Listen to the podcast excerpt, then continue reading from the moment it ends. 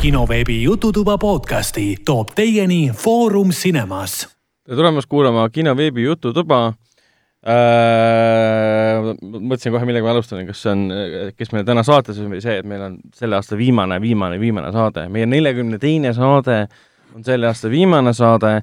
minuga koos kõik need neli, peaaegu kõik need, kõik need nelikümmend, nelikümmend, nelikümmend kaks korda on käinud siis Helen tere! ja Hendrik. tere! mina olen siin ainuke olnud, kes on olnud igas saates jep, jep, ja jep, sellel aastal me selle jututoaga podcast'iga alustasime ja nelikümmend, vaatasin eelmise aasta, tähendab selle aasta aprill vist oli esimene, siis kui Us tuli kinodesse, meie mm., see Jordan Peele'i õudusfilm. ja umbes siis oli esimene saade.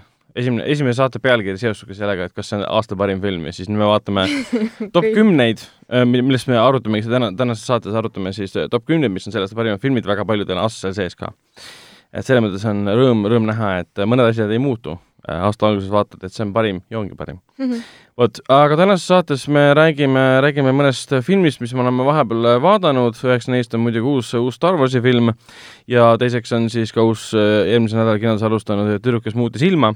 Makoto Shinkai uus anime, eepika, tunde-eepika siis wow., Äh, ja siis me räägime ka mõnest, mõnest kodus vaadatud filmist, mis äh, ei pruugi olla, aga ilmselt on Die Hard ja Home Alone äh,. vot, ja siis põhi, põhiosa äh, äh, läheb selle alla, et me jagame ära, mis on meie siis selle aasta top kümme, ainult top kümme parimat filmi äh, ja siis mainime ka mõned eriti meeldejäävad äh, seriaalid ära. aga enne kui edasi läheme, siis mainime ära, et kinoveebi Jututoa kõik saated on leitavad Delfi taskus, SoundCloudis, Apple podcastis, Spotify's, Google podcastis ja kõikides teistes äh, podcasti rakendustes. Äh, ja kui te ei leia seda podcasti kuskilt, siis saate meile alati kirjutada ja ka-, kaevata meie peale jututuba at kinoveeb.ee, kuhu võib alati kirjutada, joonistada, laulda, pilte saata, aga mitte nagu, mitte nagu kõiki pilte, sest noh, mõni asi läheb paragrahvi alla selles mõttes, et äh, vaadates, mis ja. Eesti meedias toimub ja kõik see, et ma ei taha, et minu arvates oleks mõned, ikkagi lähme edasi. siiski filmidest jah, täpselt hmm. uh,. vot, aga uh, jah, täpselt uh,, räägime siis um, filmidest ja, ja seriaalidest, mis ma olen vahepeal kodus uh,, kodus vaadanud uh,. Helen mida oled sina nüüd pühade ajal uh,, pühade ajal vaadanud? mitte midagi ma ei ole midagi vaadanud. ei, ma ei, ma ei, ei ole nagu üldse üllatunud selle koha pealt, pühade ajal ei peagi neid filme vaatama. isegi mitte Die Hard'i või Home Alone'i. jah, need jäid ka nägemata Vi, sest viiekümne äh, tuhandet korda. mul oli üks koer, kellega ma pidin tegelema ja siis ähm, sain temaga mängida veits ja siis ma mõtlesin, et kas ma vaatan Die Hard'i, mida ma olen tuhat korda näinud või ma mängin koeraga tund aega ja siis äh, oli koer oli äh, minu valik. koer oli tähtsam kui taihal. kas koer oli rahul? muidugi kui koer on rahul tegelikult, siis sa, siis sa süvendasid talle seda jõulu, jõulurahu ja jõulurõõmu. andsid koerale jõulurõõmu. jah, just. ja, ja.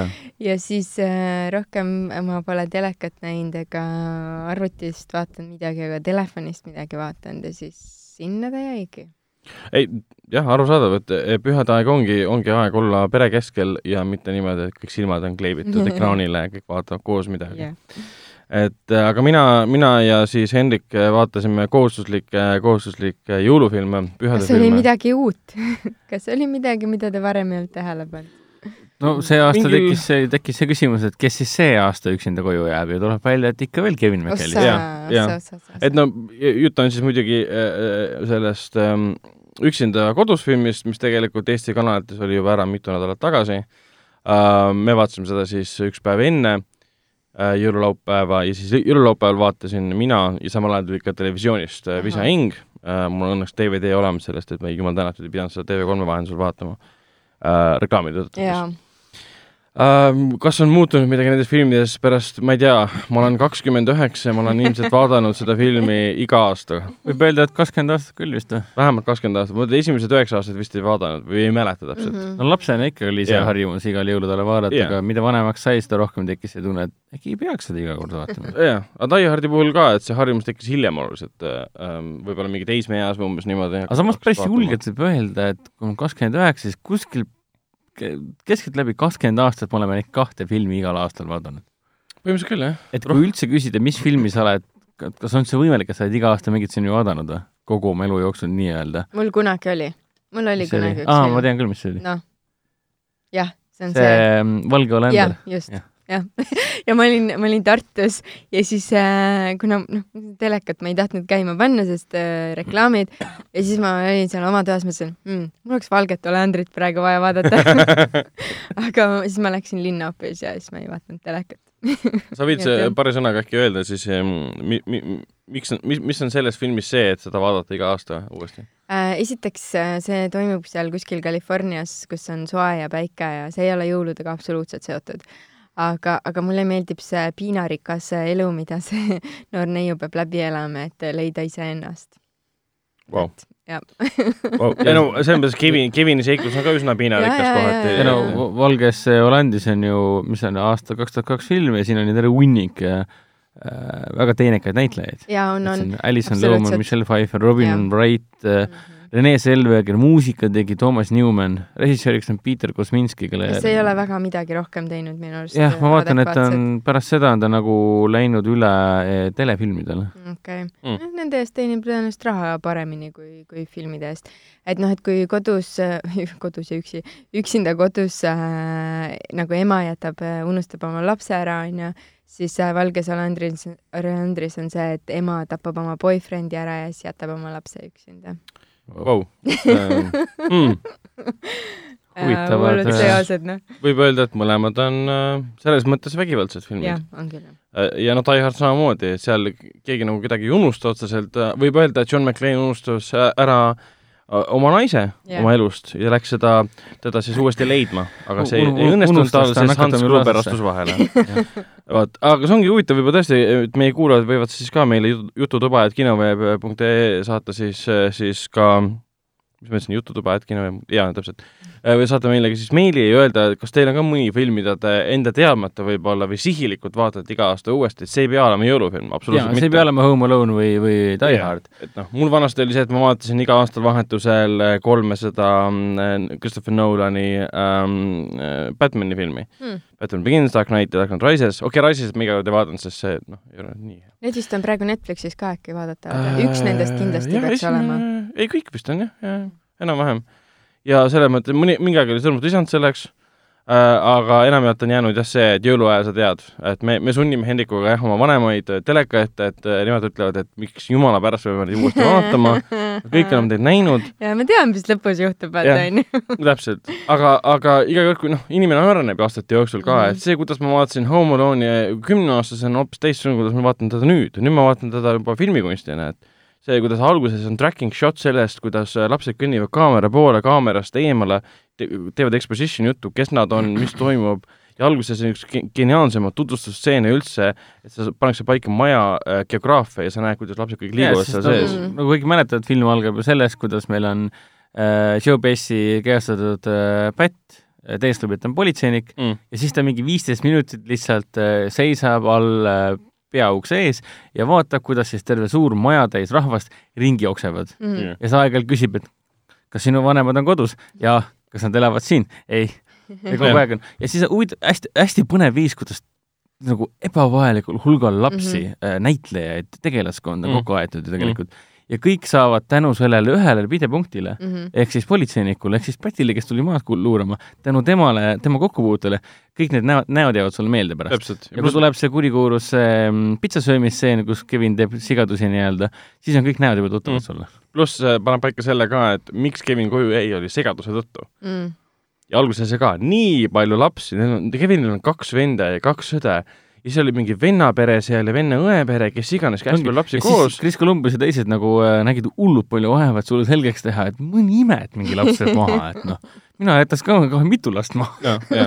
üksinda Ja- kodus kaks, et kaks tükki oleks pidanud jääma koju. täpselt ja, ja Die Hard samamoodi, see lihtsalt see John McClane'i karakter, ta on siiamaani töötab kui, kui mitte harjumuspärane märulikangelane, olgugi et neid tegelaskujusid on nüüd korratud ja korratud üle ja tol, üle. tollal see nagu eesmärk oligi, et Jaa. äh, võtame Jaa. mingi suvalise Bruce Willis'e ja Jaa. paneme peaossa ja jah, kes tegi mingit komöödiat ju selle. Mis see oli, Moonlighting või?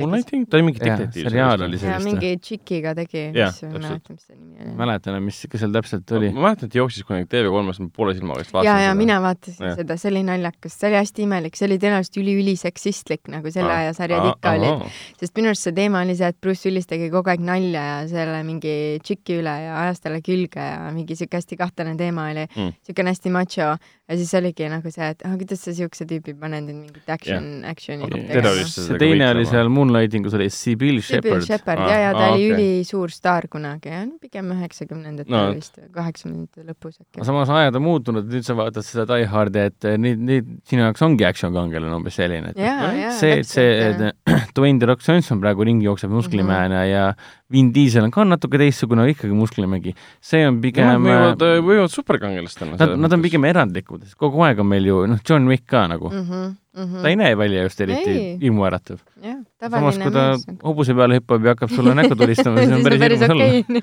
jah, tõsi. aga jah, Die Hard on äh, uuesti vaadates endiselt suurepärane. kusjuures ma nägin, rääkisid John, John Wickist siis eelmise saate ajal, ma vaatasin ühte klippi, kui me saadet tegime, siis eh, kus oli ähm, John Wick kolmest oli võetud see tseen, kus ta sõidab selle, mitte hobusega, vaid selle mootor. mootorratastega ringi, teda jälitavad teised mootorrattad mm. ja. siis kõigile oli kätte pandud äh, lightsaberid Star Warsist mm. ja kuidas nad peksid omavahel, see läks väga hästi kokku ja nägi hullult ilus välja. et otsige üles John Wick lightsabers ja that's it. jaa, jaa, jaa. häid jõule, häid jõule. oota, ükski John Wick ei leia aset jõuluajal, eks? ei, ei, ei, ei, ei, okei, ei. jumal tänatud. ei, selle, selle koha pealt, kui filmis on natukenegi jõule sees, siis Mhm. öelda, et it's a Christmas movie. jah, et ju Die Hardi üle vaieldi ka üle pikka aega mm, Mhm. -hmm. pikka aega, kas ta on ikkagi jõulufilm, sest seal ei ole lund tegelikult mm, -hmm. kuigi ta Mhm. leiab jõuluajal aset, lõpus on jõululaul. kuigi ta tuli suvel välja. Suve ja jaa, ta täpselt ta on suvereliisi film, ta ei ole jõulude ajal tulnud välja ja, ja kui, kuigi tal on, ta on lihtsalt nagu täiskasvanute versioon tegelikult siis üksinda kodus. Mhm. üksinda kodus on Kevin üksi suures majas, siin on John ük- üksinda suures majas. üks saade me vaidlesime ka selle üle, minu arust. ma ei mäleta, see oli päris ammu küll aa, okay.. okei. või igastahes me oleme seda teemat kuskil katnud, et kas ta on jõulufilm või mitte no,. siis ma ütlesin, ei filmid- ole jõulufilm ju. Die Hard ja Home Alone tulid Mm. kaheaastase vahega välja, et mõni ime, et Chris Columbus vaatas, et kuule, teeme äkki lastele ka Die Hardi ja, ja vot. Jaa. kuigi seekord Kevin vist, aa, oota, siin on isegi see tseen oli olemas, et kindlasti Chris Columbus mõtles, et mulle väga meeldis, kuidas äh, John McClane äh, jooksis paljaõlu mööda mm. -hmm. klaasi ringi, -hmm. aga ma ei pane ju väikest seitsmeaastast paljaõlu mööda klaasi ringi jooksma, mida siis teha? aa, meil on see Marvi äh, tegelaskuju ju, paneme tema paljaõlu Jaa, klaasile peale astuma. valmis, tehtud. täpselt. Ja noh, selles mõttes ja, ja vägivalla mõttes nagu Home Alone kohati on veits vananenud. aa, ikka on jah. selle koha pealt jaa, et sa vaatad, et see Joe Bessi läheb trepist üles, mis on jääd täis, kukub alla esimene kord, see on arusaadav. aga teinekord ta läheb uuesti sealt üles, no mine tre tre trepi kõrvalt, seal on lumi, astu peenrasse siis, mis sa, sa ei saa nii loll olla. multikalik emmekoomika, et füüsiline koomika, et see käib asja juurde. kuigi lihtsalt võrreldes teise osaga on see esimese osa Home Alone'i vägivald ikka väga malbe.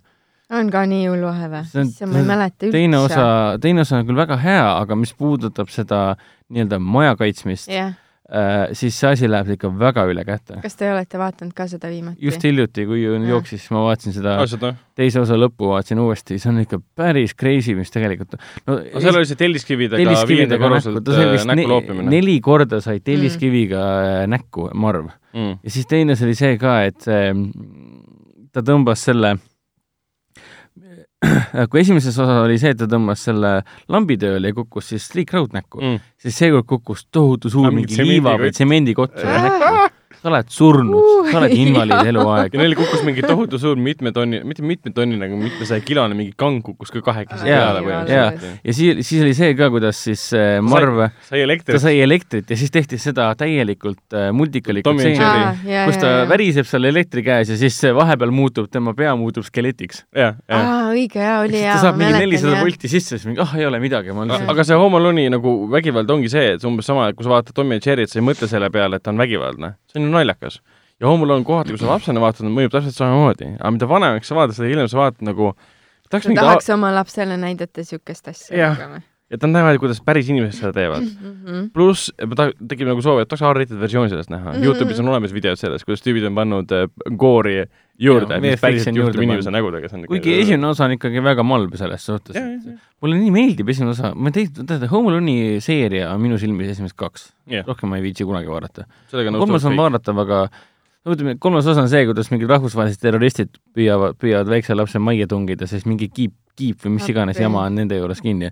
kui asi muutub rahvusvaheliseks terroristideks, siis ei pea enam midagi vaatama. aga mulle meeldib see, et see maja kaitsmine tuleb filmi lõpus. jaa, tund, tund, tund kümme vist, aga yeah. alles tuleb see. et see on, see suur kulminatsioon ja esimene osa ka, ta võtab nii, see kestis vist tund nelikümmend ja mingi tund aega on rahulikku, väga ilusat niisugust äh, lastesõbralikku jõuluteemalist äh, muhedat draamat ja, ja äh, huumorit hästi sest, palju, hästi tore lugu. sest Home Alone'i lugu ei ole sellest, et, et Kevin kaitseb maja mm.. Home lugu on sellest, et Kevin õpib üksi hakkama saama.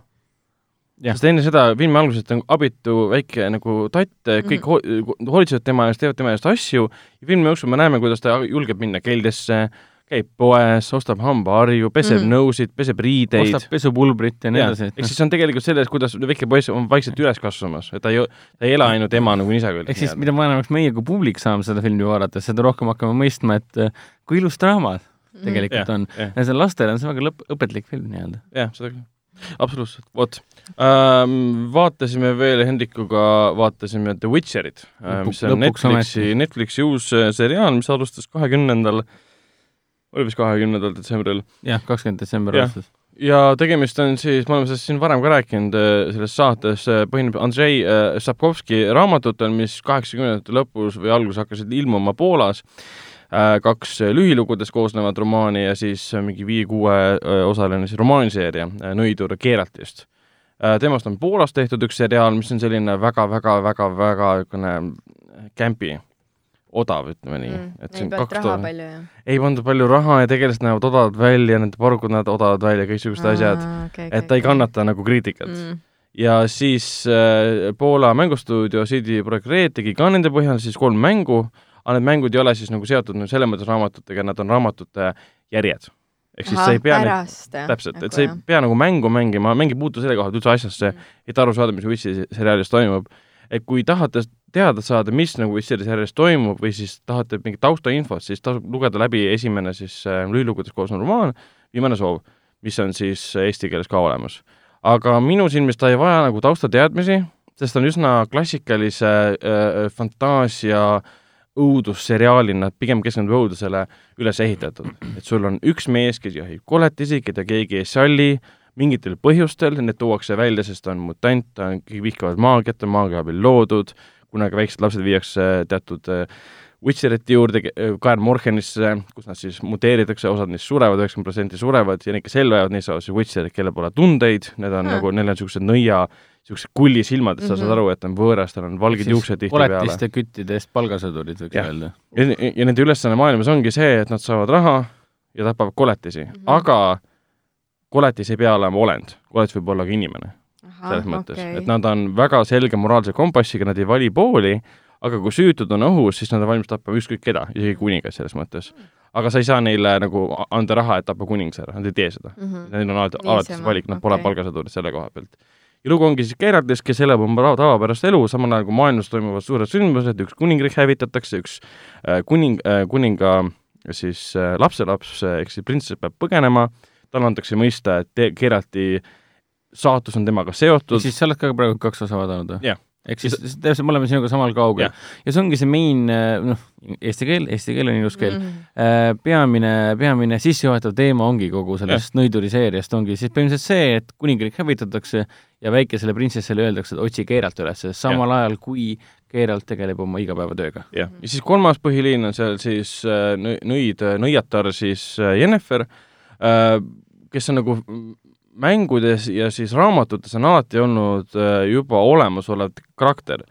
et tema tausta, taustsüsteemi pole väga palju selgitatud, aga nüüd seriaal otsustas, et me keskendume sellele terve nagu peaaegu episoodi jooksul, kus me näitame, kust ta tuli, kes ta on, kuidas ta loodi. et see ei ole päris niimoodi, et lihtsalt ilmus välja mingi piltilus nõid mm -hmm., kellesse keerata ühel hetkel armub kuna wow. ta, ta, ta on väga vana selles mõttes, ta oli mm -hmm. kunagi hoopis teistsuguse välimusega, ta kasutab maagiat, et olla hoopis teistsugune. ja Jennifer tuleb juba teises osas ja ma olin nii üllatunud, ma esimesed pool episoodi vaatasin, et kas see on Jennifer või? see on Jennifer või? ma vaatasin, et hakkasin guugeldama Witcher Wikist mingi, see on Jennifer.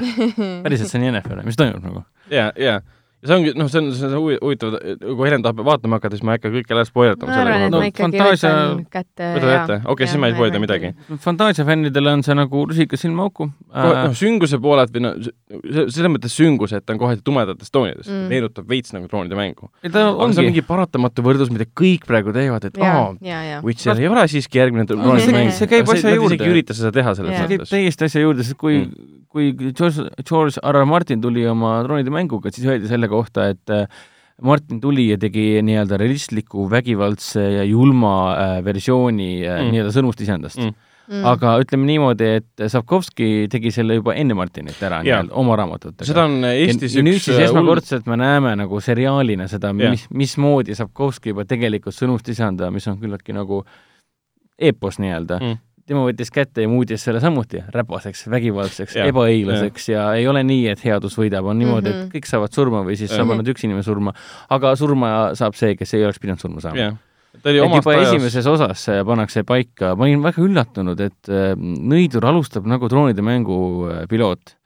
ehk siis ta võtab publiku ja viskab ta sinna tundmatusse vette, nii, harju ära sellega nüüd, et ma ei hakka sulle exposition'i tegema, ma ei hakka sulle Mhm. mingisuguseid pikki tekste esitama. viisteist minti, me, me näita sulle mingi pergamenditükkidel, mis maailmas sa elad, mis kontinent see kõik on, et mõtle ise. noh, see on väga, kohati, väga tore kohati, tegelikult. kohati on küll dialoog selline, et nagu inimesed räägivad omavahel asjadest, mida nad ilmselgelt juba teavad, aga see, need detailid on sinna teksti sisse fraseeritud, et siis vaatajal edasi viia seda. kuigi sa päriselus tunned, et inimesed elu sees ei arutaks neid asju, sest nad, nad teavad, no umbes sama, kui meie saame sinuga kokku, me ei räägi, et jah, Eestis on hea elada, et publik saaks aru, et me elame Eestis, aga me juba teame seda, me ei räägi seda kuigi üks tegelane isegi ütles, kommenteeris, et ah, jälle ma siin ajan ekspositsiooni. jaa, see oli päris hea, see on päris hea, see on, see on kohati, kohati peale. aga sari toimib selles mõttes, et ta on väga kutsuv Mm. mm., ei ole mingit probleemi sinna sisse no, minna. kutsuv on kindlasti ka see, et peategelane, peategelast keha Geraltit, Riivimaa Geraltit kehastab Henry Cavill, kes on siis tuntud eelkõige siis äh, Supermani rollis äh, Supermani erinevates filmides, Zack Snyderi omad ja nii edasi, pluss ta viimasel ajal on siis nüüd paistnud silma ka selles äh, viimases äh, Võimatu missiooni filmis, Mm -hmm. et kui tahate nagu niisugust ilusat briti meest näha, siis kes on siis, nagu nii hanki-hanki kui vähegi võimalik. kes mingis episoodis läheb vanni ka, kus on see kuulus vannitseen, mis on otse Witcher kolme videomängust võetud, millest sai meem, kus Geralt istub vannis. Et tal on vesi on kaetud, jalad on seal ääre peal niimoodi. et see on ka seriaalis ta, olemas ta. näeb välja nagu tohutu lihasmägi jah, ja, ja mängufännidele on rõõmuks võib öelda seda, et ta näeb välja täpselt nagu äh, Witcher kolme Geralt. kogu Kuigi- tema kehahoiak ja kõik tema liikumine mm. Ja kõik tema tundeskaala on ka umbes selline, et noh, seda ei ole väga. sest seal, seal korrutatakse ka, et ainuke emotsioon, mida näitab, on viha jah, ja oma hambad, kui ta vihaseks saab. et põhimõtteliselt see muidu väga rahulik ta, vana. tal korrutatakse ka, et väga paljud tegelikult korrutavad seal, et äh, Witcheritel pole ju emotsioone, kui teid Mhm. nagu maagia ja siis seal keemiaga loodi, siis hävitati emotsioonid ka ära.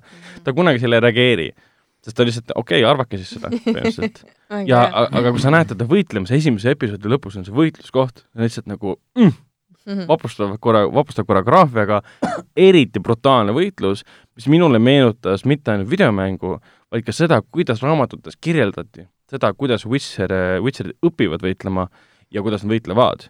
kuidas nad kasutavad oma keha raskust tehes piruette, et suunata oma keha raskust teatud suunas tantsuks ja nimetatakse siis suunavad selle ülima raskuse, mis kehaga nagu tekib siin inertsis või mis iganes mm. -hmm. ma selgitan võib-olla väga valesti seda vahet äh,, mõõga peale, et siis raiuda sõna otseses mõttes inimene pooleks Jah.. Ja niisugune asi on ka olemas. see on mingi nõiduri tants või midagi taolist, et Mhm. pluss see ka, et äh, kõik need väiksed võluvõimed, mis tal on, et tal on ja. kõik ju loitsud, tal on, ta, ta on ju maagiline olend ja tal on nõiajoogid ja nii selles, edasi. selles mõttes, et ta nimi võib nõidur olla, aga ta ei ole nõid selles mõttes. tal on teatud sorti võimed No a la umbes, et äh, lükkab vaenlasi eemale või ta paneb nad tarduma või paneb nad põlema. Aga mitte midagi taolist, et ta tahab süüa, juba esimeses osas on päris kenasti ära näidatud, et eh, miks tema on nii osav võitleja, puhtalt sellepärast, et ta tajub, tema meeled on mingi sada protsenti Mm. kogu aeg, kakssada protsenti. Ja ta tajub kõike, mis Jah. tema poole tuleb. jah, ja kõik äh, kõrvaltegelased, Yennefer'i karakter on huvitav, näitleja on huvitav, Jaskier, kes on bard, kes laulab temast laule, Mm. kellega nad kohtuvad, on ka üks põhilugu, mis muutus meemiks ka, et ma läksin üle pika aja, käisin Nine-Gagis, noh, kes kurat käib enam Nine-Gagis. ja seal olid ka nagu lihtsalt ühel hommikul, jõululaup-, jõululaupäeva hommikul lihtsalt magad, võtad mobiili välja, vaatad sealt Nine-Gagi. kõik kohad olid Witcherit täis ja kõik meemid olid seotud sellega, et toss a coin to your Witcher. Et see sai hästi popiks ja tal on, ta ongi, ta on uute seriaalide hulgas nüüd IMDB-s üks hinnatumaid äh, Netflixi seriaale. kuigi kriitikud on selle Rottenis andnud viiskümmend neli oi, protsenti, see on küll vähe jaa, et neile üldse ei meeldi, ütlevad esiteks, kas on väga igav, mm. teiseks ütlevad, nad ei saa midagi aru, kolmandaks ütlevad, et ah, see ei ole Game of Thrones.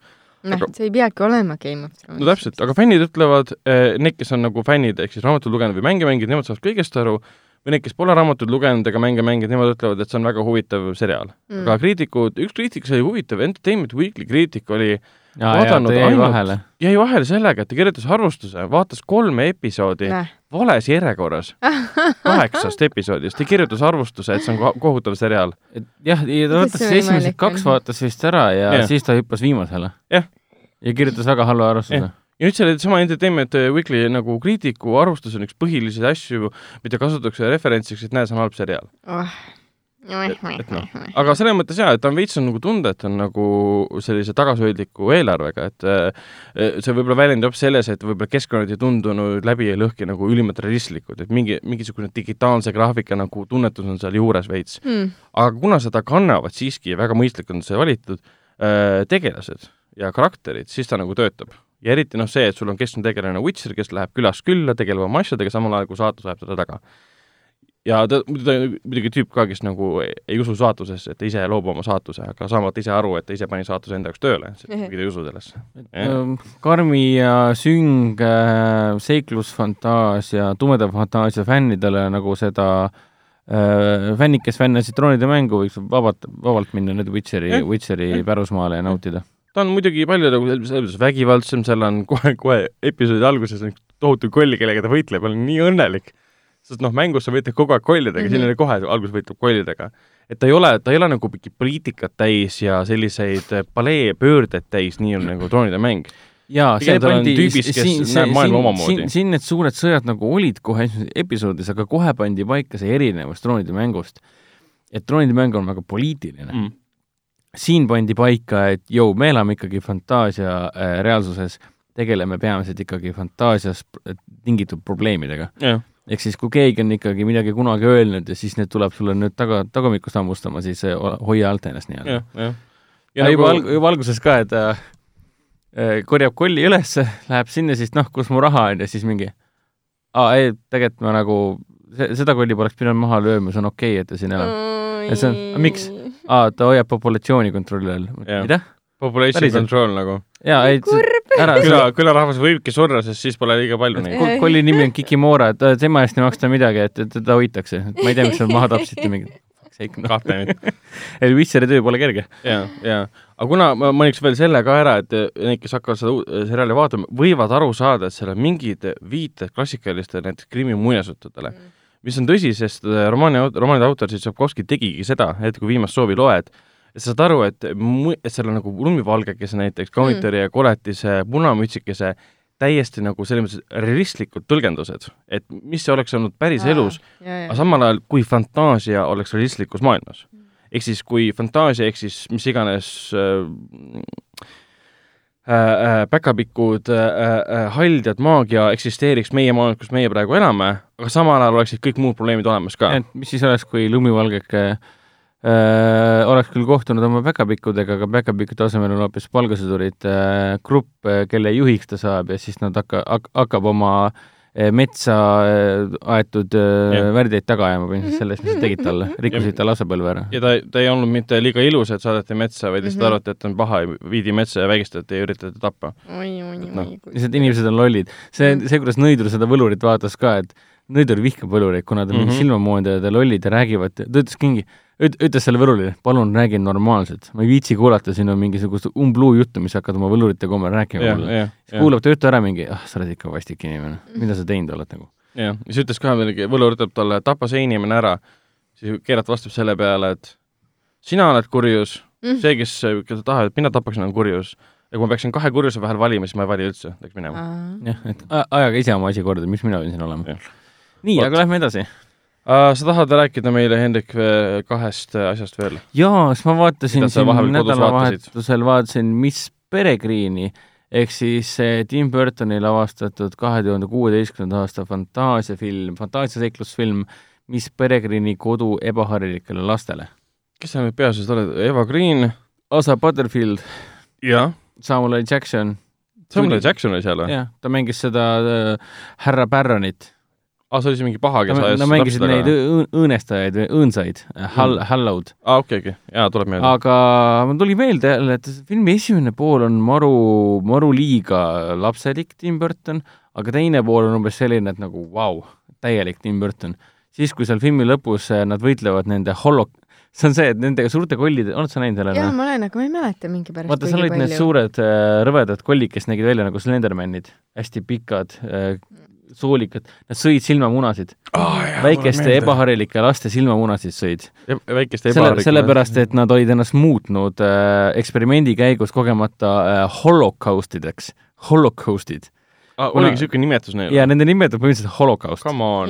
kuna see on otseselt seotud äh, peategelase vanaisaga, kes on Poolast pärit ja kes siis põgenes Teise maailmasõja ajal Walesi, kus ta siis kohtus Miss Peregriniga mm. -hmm. aasta oli siis mingi kolmekümnendate lõpp või midagi taolist aga need olid need äh, väikeste ebaharike laste äh, silmi söövad elajad, kes pidid silmi sööma ainult sellepärast, et nad muutuksid tagasi äh, inimlikuks, inimesteks mm. nii-öelda, muidu nad muutusid tohutu ebarditeks olenditeks, kes on nähtamatud mm, -hmm. keda kunagi ei näe mitte mm -hmm. keegi ei näe, ainult osal-, osad inimesed on see võime neid näha. mängivad ainult need, kes on mingi surma näinud või midagi või? ma jään mingi ei, Harry Potteriga segamini. see on, see on see pik-, peculiarity nii-öelda, et see on see ebaharilikus, mida siis peategelane avastab Aa, enda juures okay.. et sarnaselt oma vanaisale tuli siis see geen tema, temale ka kaasa, et sarnaselt oma vanaisale näeb ka tema neid holokauste, mida keegi teine ei näe mm. -hmm. õõneskastid olid ing-, eesti keelde tõlgitud, õõneskastid olid G-tähega, oli siis eesti keelde tõlgitud. no kui sa oleksid tõlkinud holokaustiks, oleks üsna veider olnud mm.. aga väga, tuli jälle meelde, et kui äge lugu see tegelikult on. üks asi on see, et ta meenutab väga äh, kõikvõimalikke Tim Burtoni enda lugusid nii-öelda. ma ei nimeta selle loo valis, see põhineb ju romaaniseerial, milles on hetkeseisuga, tal vist oli kaks järge veel või kolm järge isegi veel. kohe vaatan, vist... tal on, äh, tal on järg raamatuna Hollow City, siis tehti talle järgi, järg veel Library of Souls mm. ja siis on nüüd uus triloogia tekkinud ka Äh, mis algab niisugusest loost nimega A Map of Days. huvitav, kas Tim Burtoni puhul on kuulda olnud ka, et on plaanid järje jaoks või midagi? suht vaikus on olnud, aga mina ka pärast seda tahaks kindlasti näha järge ka. aga no. pluss ta on X-meeste segu et kogu see jah, see mulle meenutas seda, jaa, väga. kogukond, kes mm -hmm. peidab ennast ja nad, neil on ebaharikud lapsed aga vähemalt see raamatu autor oli väga palju pingutanud selle nimel, et need ebaharilikud lapsed paistaksid silma selle poolest, mille poolest nad on ebaharilikud. et nad ei ole X-mehelikud, et kes on nähtamatu, siis on mingi väike tüdruk, kes on ma ei tea, saja mehe jõu, jõuga nii-öelda. aga ühel oli mingisugune suur suu on näoks või? selja, selja, kuklas on suu nii-öelda siis on see um, tüüp, kes oskab uh, surnud inimestele või siis surnud asjadele, asjadele põhimõtteliselt elu sisse anda nii-öelda. üks oli mingi laps, kellel oli see kott peas või midagi või? jaa, kak-, kaksikud, kellel on kotid peas, kui nad peast ära võtavad, siis nad on meduusa võime nii-öelda. vaatad silma ja see muutub kiviks ja nice -hmm. ja siis oli see üks väike tüdruk, kes äh, oma mõttejõul saab asju äh,, ela, elavat loodust kasvama panna tohutu mm. suurelt, nendest meil on vaja tervele perele suppi teha, siis ta läheb, paneb käed sinna mulla peale ja kasvab välja tohutu suur porgand, siis tuleb see saja mehe jõuga väike tüdruk, võtab selle porgandi kaelasse ja läheb. aga see on päris kaval. jah, et niisugused toredad asjad. muidu sa ju suurt porgandit ei tee, siis kui sul poleks saja mehe jõuga tüdrukut. jah, aga lugu ise, ta on ikkagi maru originaalne puhtalt sellepärast, et nad välja mõelnud need äh, äh, ajasõlmed nii-öelda, kus nad ennast peidavad nii-öelda no,. jaa, jaa, oli jah. oota, mis see nüüd tähendab, see oli mingi time loop kuskil kinni? jaa, time loop'id nii-öelda, ajasõlmed ehk siis või ajapeidu, peidukad nii-öelda. ehk siis kõik need ebarikud lapsed elavad nii-öelda lastekodudes äh, ja nad kõik elavad siis kindlasse aega kinni piiratud ajasõlmes mm. -hmm. ehk siis mis perekonnad teised elasid neljakümne kolmandas aastas. samal hetkel, samal päeva õhtul, kui siis sakslaste natside pomm kukkus nende sinna lastekodu peale ja nad olid Londonis ju? jah. ei, mis Londonis, Walesis. Walesis, okei okay,, jaa. samamoodi on üle kogu maailma sul on neljakümne kolmandas aastas, siis on sul kahe tuhande kuueteistkümnendas aastas, ja siis lõpus see Asa Butterfieldi tegelane lõpus avastas, Jake avastaski, et oota, ma olen nüüd ajasõlmes, mis on jaanuar kaks tuhat kuusteist ja me oleme siin nüüd kõik pahad maha löönud, mis tähendab seda, et mu, ja ma jään siia sisse nüüd mm. -hmm. ta läks, paar kuud läks ajas tagasi mm. -hmm. mis tähendab seda, et mu, mu vanaisa on elus ja ta polegi ära söödud tema sinnad, silm, silmi polegi ära söödud, filmi alguses tapeti ära ju mm. -hmm. see on mingi, ah, kuule, päris hea elu ju, ma lähen, ütlen oma vanaemale tere, vanaisale tere nii-öelda. oota, vanaisa elab ka siis nagu time loop'is edasi? kui time ei, loop kaob, siis point oli selles, et kui ta sisenes time loop'is, ta jäi sinna. okei okay., jaa ehk siis see time loop sulgus ja sa jääd samasse aastasse mm. -hmm. et kui time loop sulgub, siis see aasta jätkub edasi okay.. ja need, kui sa oled juba Miss Peregrine ja teiste probleem oli see, et nad, nad ei saa sealt välja minna. vastasel juhul nad äh, kõik need aastad jõuavad järgi neile kohe, neljakümne kolme, tegevus leiab aset aastal kaks tuhat kuusteist, kui nemad astuvad neljakümne kolmandast aastast välja, siis laksti, jäävad vanaks. jäävad vanaks, surevad maha põhimõtteliselt. päris halb elu. no on jah, aga väga lahe, kõige ägedam asi on see, et täielik rock n roll oli seal lõpus, mäletad, kui siis ei äh, mäleta kusjuures. need ei skelet-, need skeletid ära, see oli see lõbustuspark kai peal, kõik oli lumega kaetud. Ja siis nad viskasid lumepallidega neid holokauste, kes olid nähtamatud. Mm. samal ajal käis äh, Trill ja Trall, äge, äge siuke beatmuusika käis taustaks ja siis see teine tüüp läks sinna vanasse laeva, millega nad tulid äh, vee alt. Mm. neil oli vaja transporti, nad läksid vee alla, võtsid vana laeva auriku, ajasid selle ülesse põhimõtteliselt umbes nagu seal äh, Davy Jonesi laev piraadifilmides mm. -hmm. ja siis seal all seal trümmis oli hästi palju äh, luukeresid, siis ta äratas nad kõik ellu. ja siis oligi um- umbes selline tseen, kus siis äh, luukered, kokamütsidega luukered jooksevad ringi ja, ja mõõkadega tapavad neid äh, holokauste, kaklevad mm Mhm. -hmm. omavahel. ja see oli ilgelt pull vaatamine, ma teist korda vaatasin seda nüüd elus uuesti ja vaatasin, et kurat, nii andekas on see lõpp ja ta nägi välja nagu vanasti, vaata see oli nagu kummardus sellele äh, Argonaudid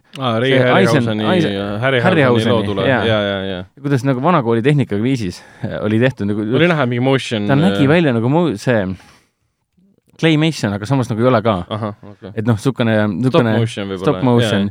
ja kohati oli natuke Claymationit tunda ka, aga ma arvan, et see oli pigem jäljendus kui päris. Mhm. et väga, väga ägeda fantaasiaga film, et teine pool elab ikka täiesti oma elu, et äh, loodan, et tuleb kunagi järg ka.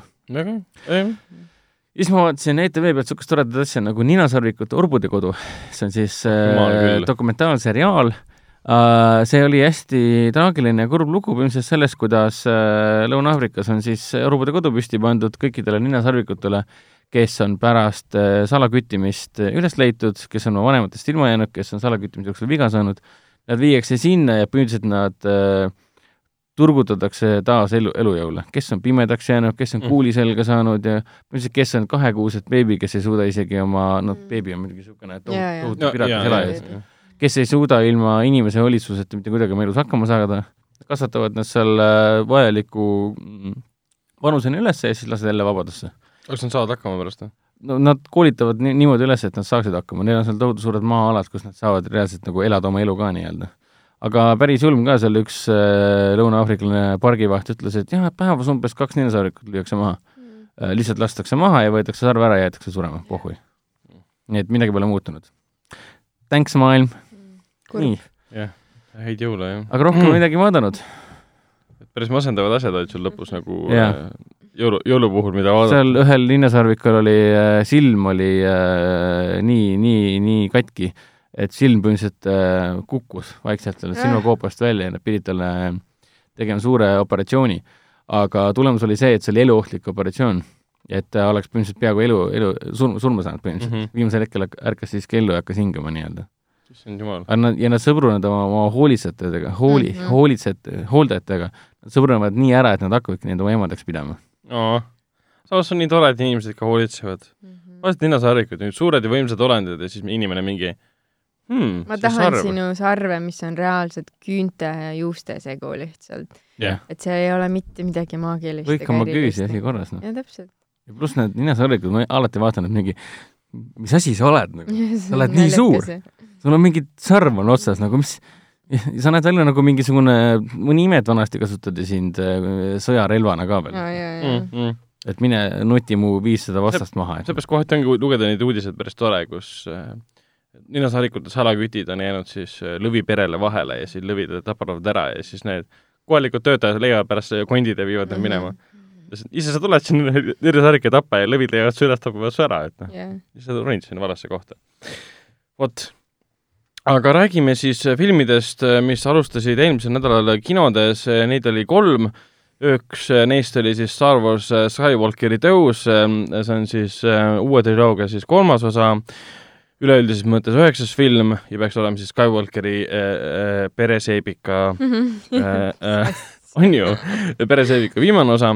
seebiooper. jah, see on praeguse seisuga tagasi teeninud midagi üle neljasaja kolmekümne miljoni dollari ja siis tuli veel kinno Makoto Shinkai film Tüdruk, kes muutis ilma uh, Weathering with you, mis on siis Jaapani kõigi aegade vaadatuim animefilm üldse. eelmine oli selleks sama režissööri Your Name ja siis tuli ka Unustatud jõulud. me vaatasime neist ära siis muidugi uue Star Warsi ja Tüdruk, kes muutis ilma mainime kohe ära Tüdruk, kes muutis ilma. oota, kes käis... Unustatud jõule vaatas? mitte keegi aa, okei okay,, ei midagi ma vaatasin valet rida praegu, mõtlesin, et keegi vaatas Unustatud jõule ka.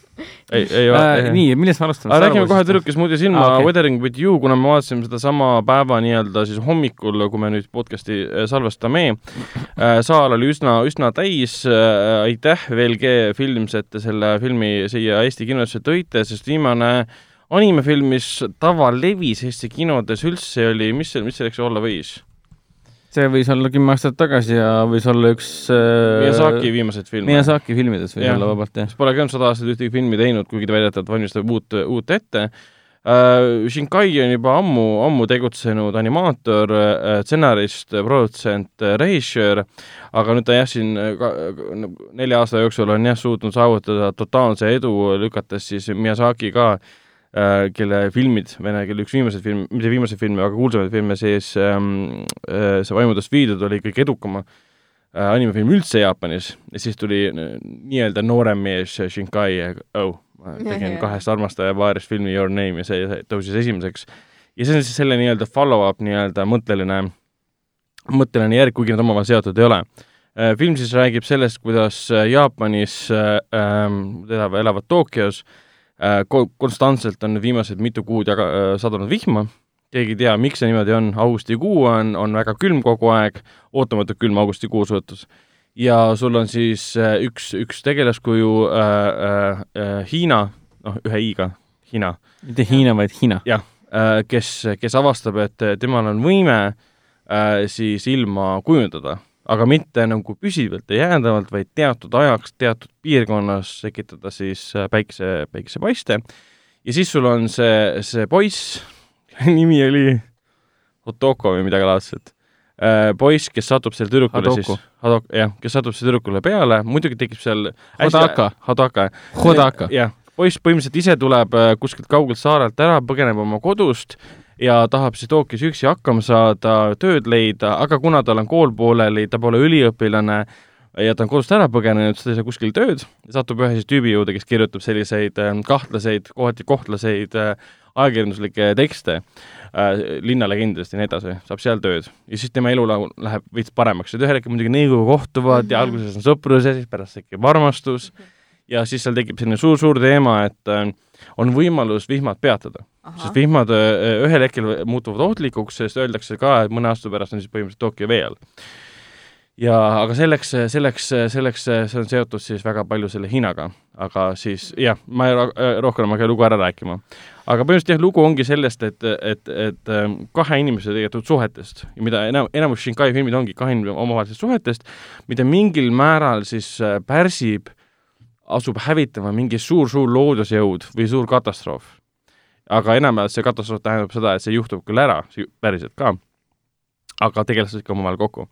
ja taaskord, väga ilus film, totaalselt kaunis lihtsalt, seekord on rohkem kasutatud 3D selliseid kaadreid, et kui enne nad mõjusid tavapärase animatsioonini, et siis sa näed teatud kaadri nurgast on võetud nii-öelda pilt, tänavapilt, seal on sügavus ja pandud animeeritud juurde see vihm ja kõik see, siis oli hea, et kaamera reaalselt liigub mööda maju umbes niimoodi, et me näeme ka seda.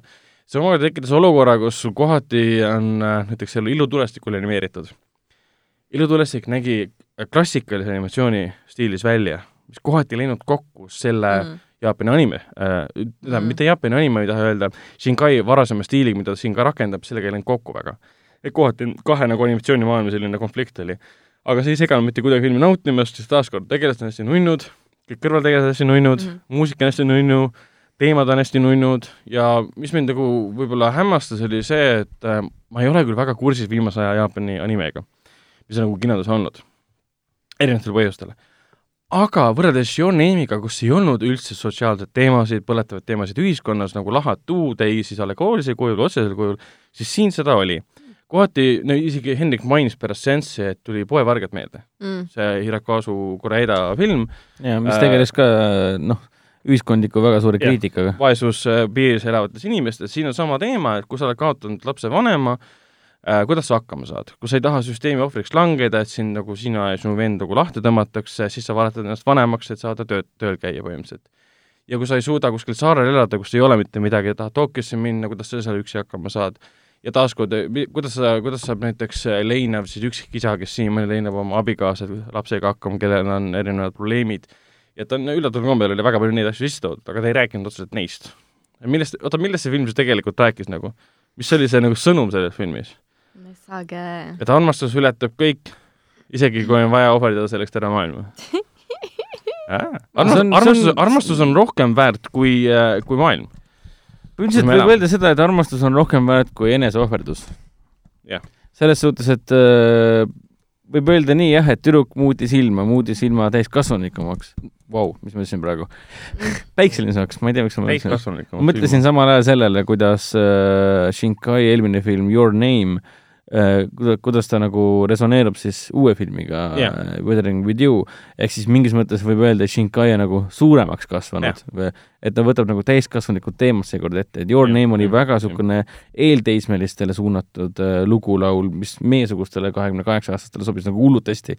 Siis olime kakskümmend kaheksa, kui me nägime seda. No praegu- praegu me- praegu me naudime ka. et enam, enam ei naudi, praegu naudime ka, aga seekord ta jah, läks nagu, ma armastangi öelda, et ta nagu poevargad, lihtsalt on anime vormis, hästi palju muusikat, hästi palju emotsioone, ja üks hästi- tegelane oskab kontrollida li- ilma. kui tegelane oskab kontrollida ilma. ja see muidugi filmis oli see, et kui ta hakkas, hakkas ilma kontrollima ja siis see poiss avastas selle, tegi sellest äri. Ei ole nii päriselt ka see oli. päris, see oli väga ootamatu minu jaoks, mina arvasin, et, et ta kontrollib ilma kogu maailma, kui üllatab, šokeerub sellest. siin oli see, et nad teevad äri sellest, panevad Aa, teate okei. üles, neil oli mingi Yahoo Japan põhimõtteliselt, et ma suudan kontrollida ilma teatud ajaks, millal on vaja. siis Mhm. võetakse umbes ühendust, meil on kirbuturg tulemas, oleks vaja päikselist ilma mm. -hmm. lähevad siis kohale, kasutavad selle, tunniks ajaks on päiksene ilm, keegi võtab ühendust, et tal on pulmad, tahaks olla päiksene ilm. jaa, aga see ongi sa tahad selline, lapsega minna parki, võiks olla päiksene ilm, läheb, tuleb kohale, teeb selle, saab see ongi selline hel-, helge ja positiivne nägemus sellest, kui avastatakse selline asi nagu ilmatüdruk. Mm. ehk siis teisisõnu, nad avastavad, et me- meil on vaja mingitki päikest ja siin filmis kostus see lause ka, meil on mingitki päikest nagu temaatilises mõttes oma ellu Mm. et kuidagi hommikul parema hea meelega Jaa. üles ärgata, nagu me, meie siin eestlastena peaksime seda väga hästi teadma, see tähendab. lause läbi, et, et meil on vaja päikest, et me oskaksime hinnata seda, kes on meie kõrval. jah, võib-olla tõesti ei,. piisa sellest, kes on su kõrval vaid on ka vaja päikest, päike, päike sinu elus võib olla sinu äh,, sinu väike tütar, keda sa pole ammu näinud äh,, nagu antud siin filmis samamoodi Jah. see, see, see päike sinu elus on, mis pilvide vahelt läbi piilub, see on väga, väga noh, metafoor põhimõtteliselt. see. võib olla sinu elu armastus, see võib olla sinu laps, see võib olla sinu, sinu töökoht nii-öelda, mis sa lõpuks saad. Et sinu elu, elu väiksed ja suured võidud võrduvad mm. siis selle tüdrukuga, kes muutis ilma Mm. et õnneks ta ei ole ka rämedalt romantiline, romantiline lugulaul Hollywoodi mõttes, et eh, kogu kõik keeleb ühe tüdruku ümber, poiss hullult armastab teda ja siis see on kõige tähtsam asi maailmas sellist, sellist läägust õnneks nagu üldse ei olnud siin. see, et see poiss temas on nagu armastus tuleb hoopis nii kaugel nagu loo sees alles sisse, et mulle vahepeal läks meelest ära, et see peaks ühel hetkel tulema üldse. Mis oli nagu tore.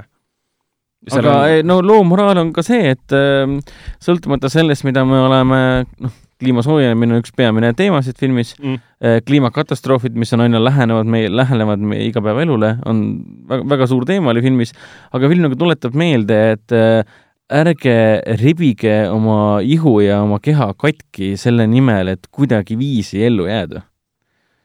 pigem, pigem ikkagi äh, hoidke seda, mis teil on ja hoidke neid, kes teil on Mm. see oli nagu põhiteema filmis.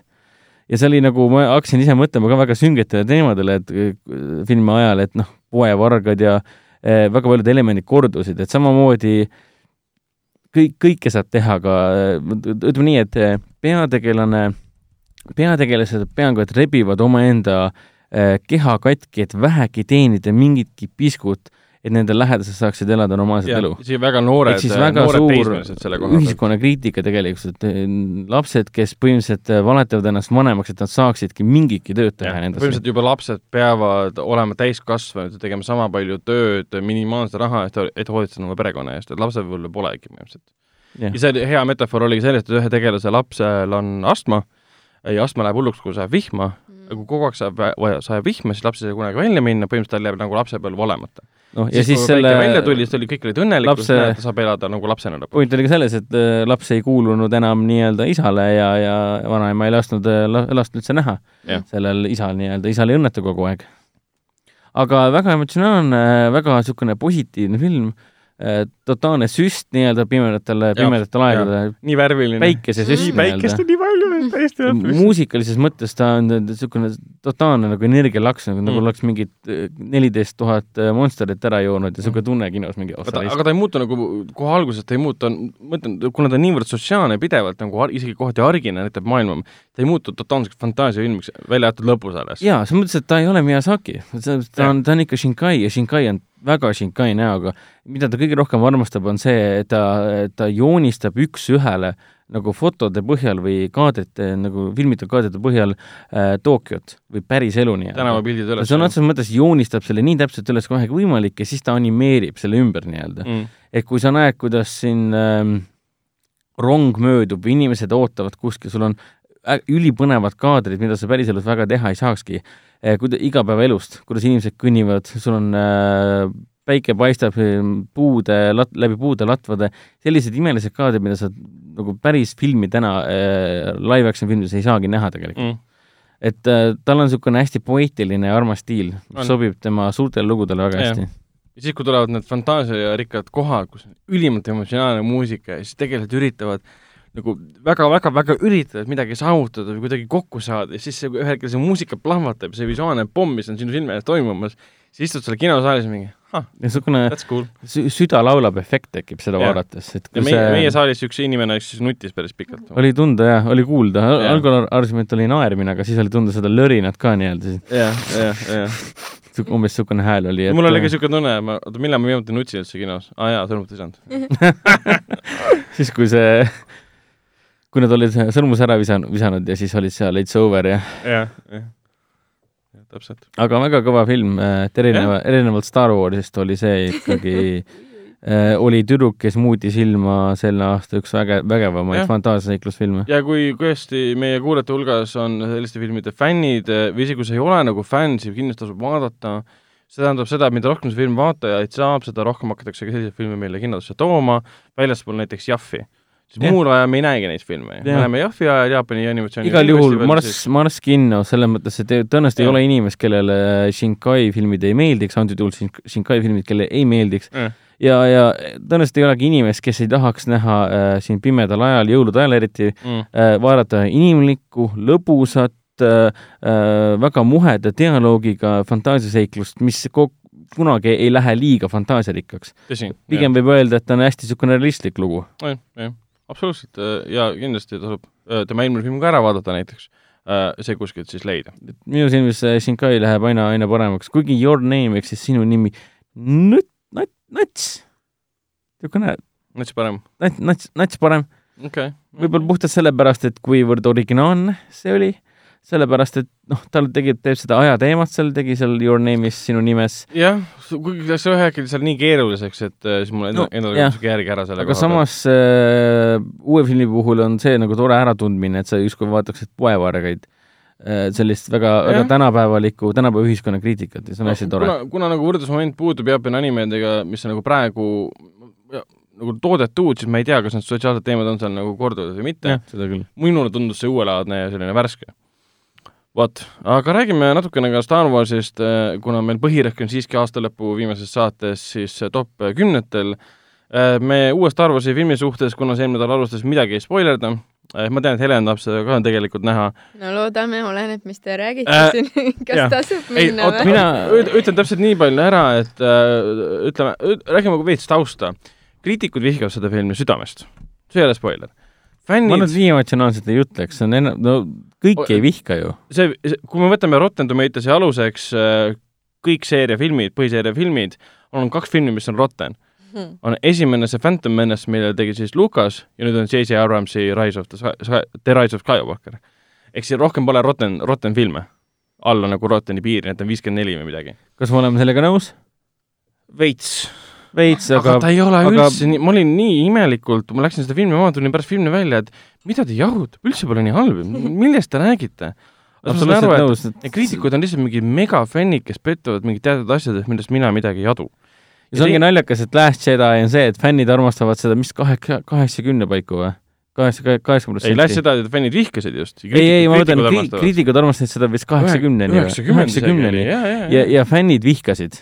Ehk siis, kui sa vaatad Rotten Tomatoes äh, kriitikute skoori ja audience skoori, siis see on täiesti, täiesti vastand, on Jah. Last Jedi. ja Rise of Skywalkeri puhul fännid armastavad. Siis- mis puudutab ehk siis- ehk kuigi siis- IMDB-s on seitse, mis tähendab, et leige vastuvõtt. Rise of Sky- Skywalker on äh, väga hea näide sellest, et absoluutselt kõike ei saa korraga, kõiki ei saa korraga rahuldada mm.. Mm. jah, ja ta on et see on võimatu ja, võimatu ja tänamatu ülesanne jah, muidugi ta on nagu, selles mõttes ta ei ole Last Jedi.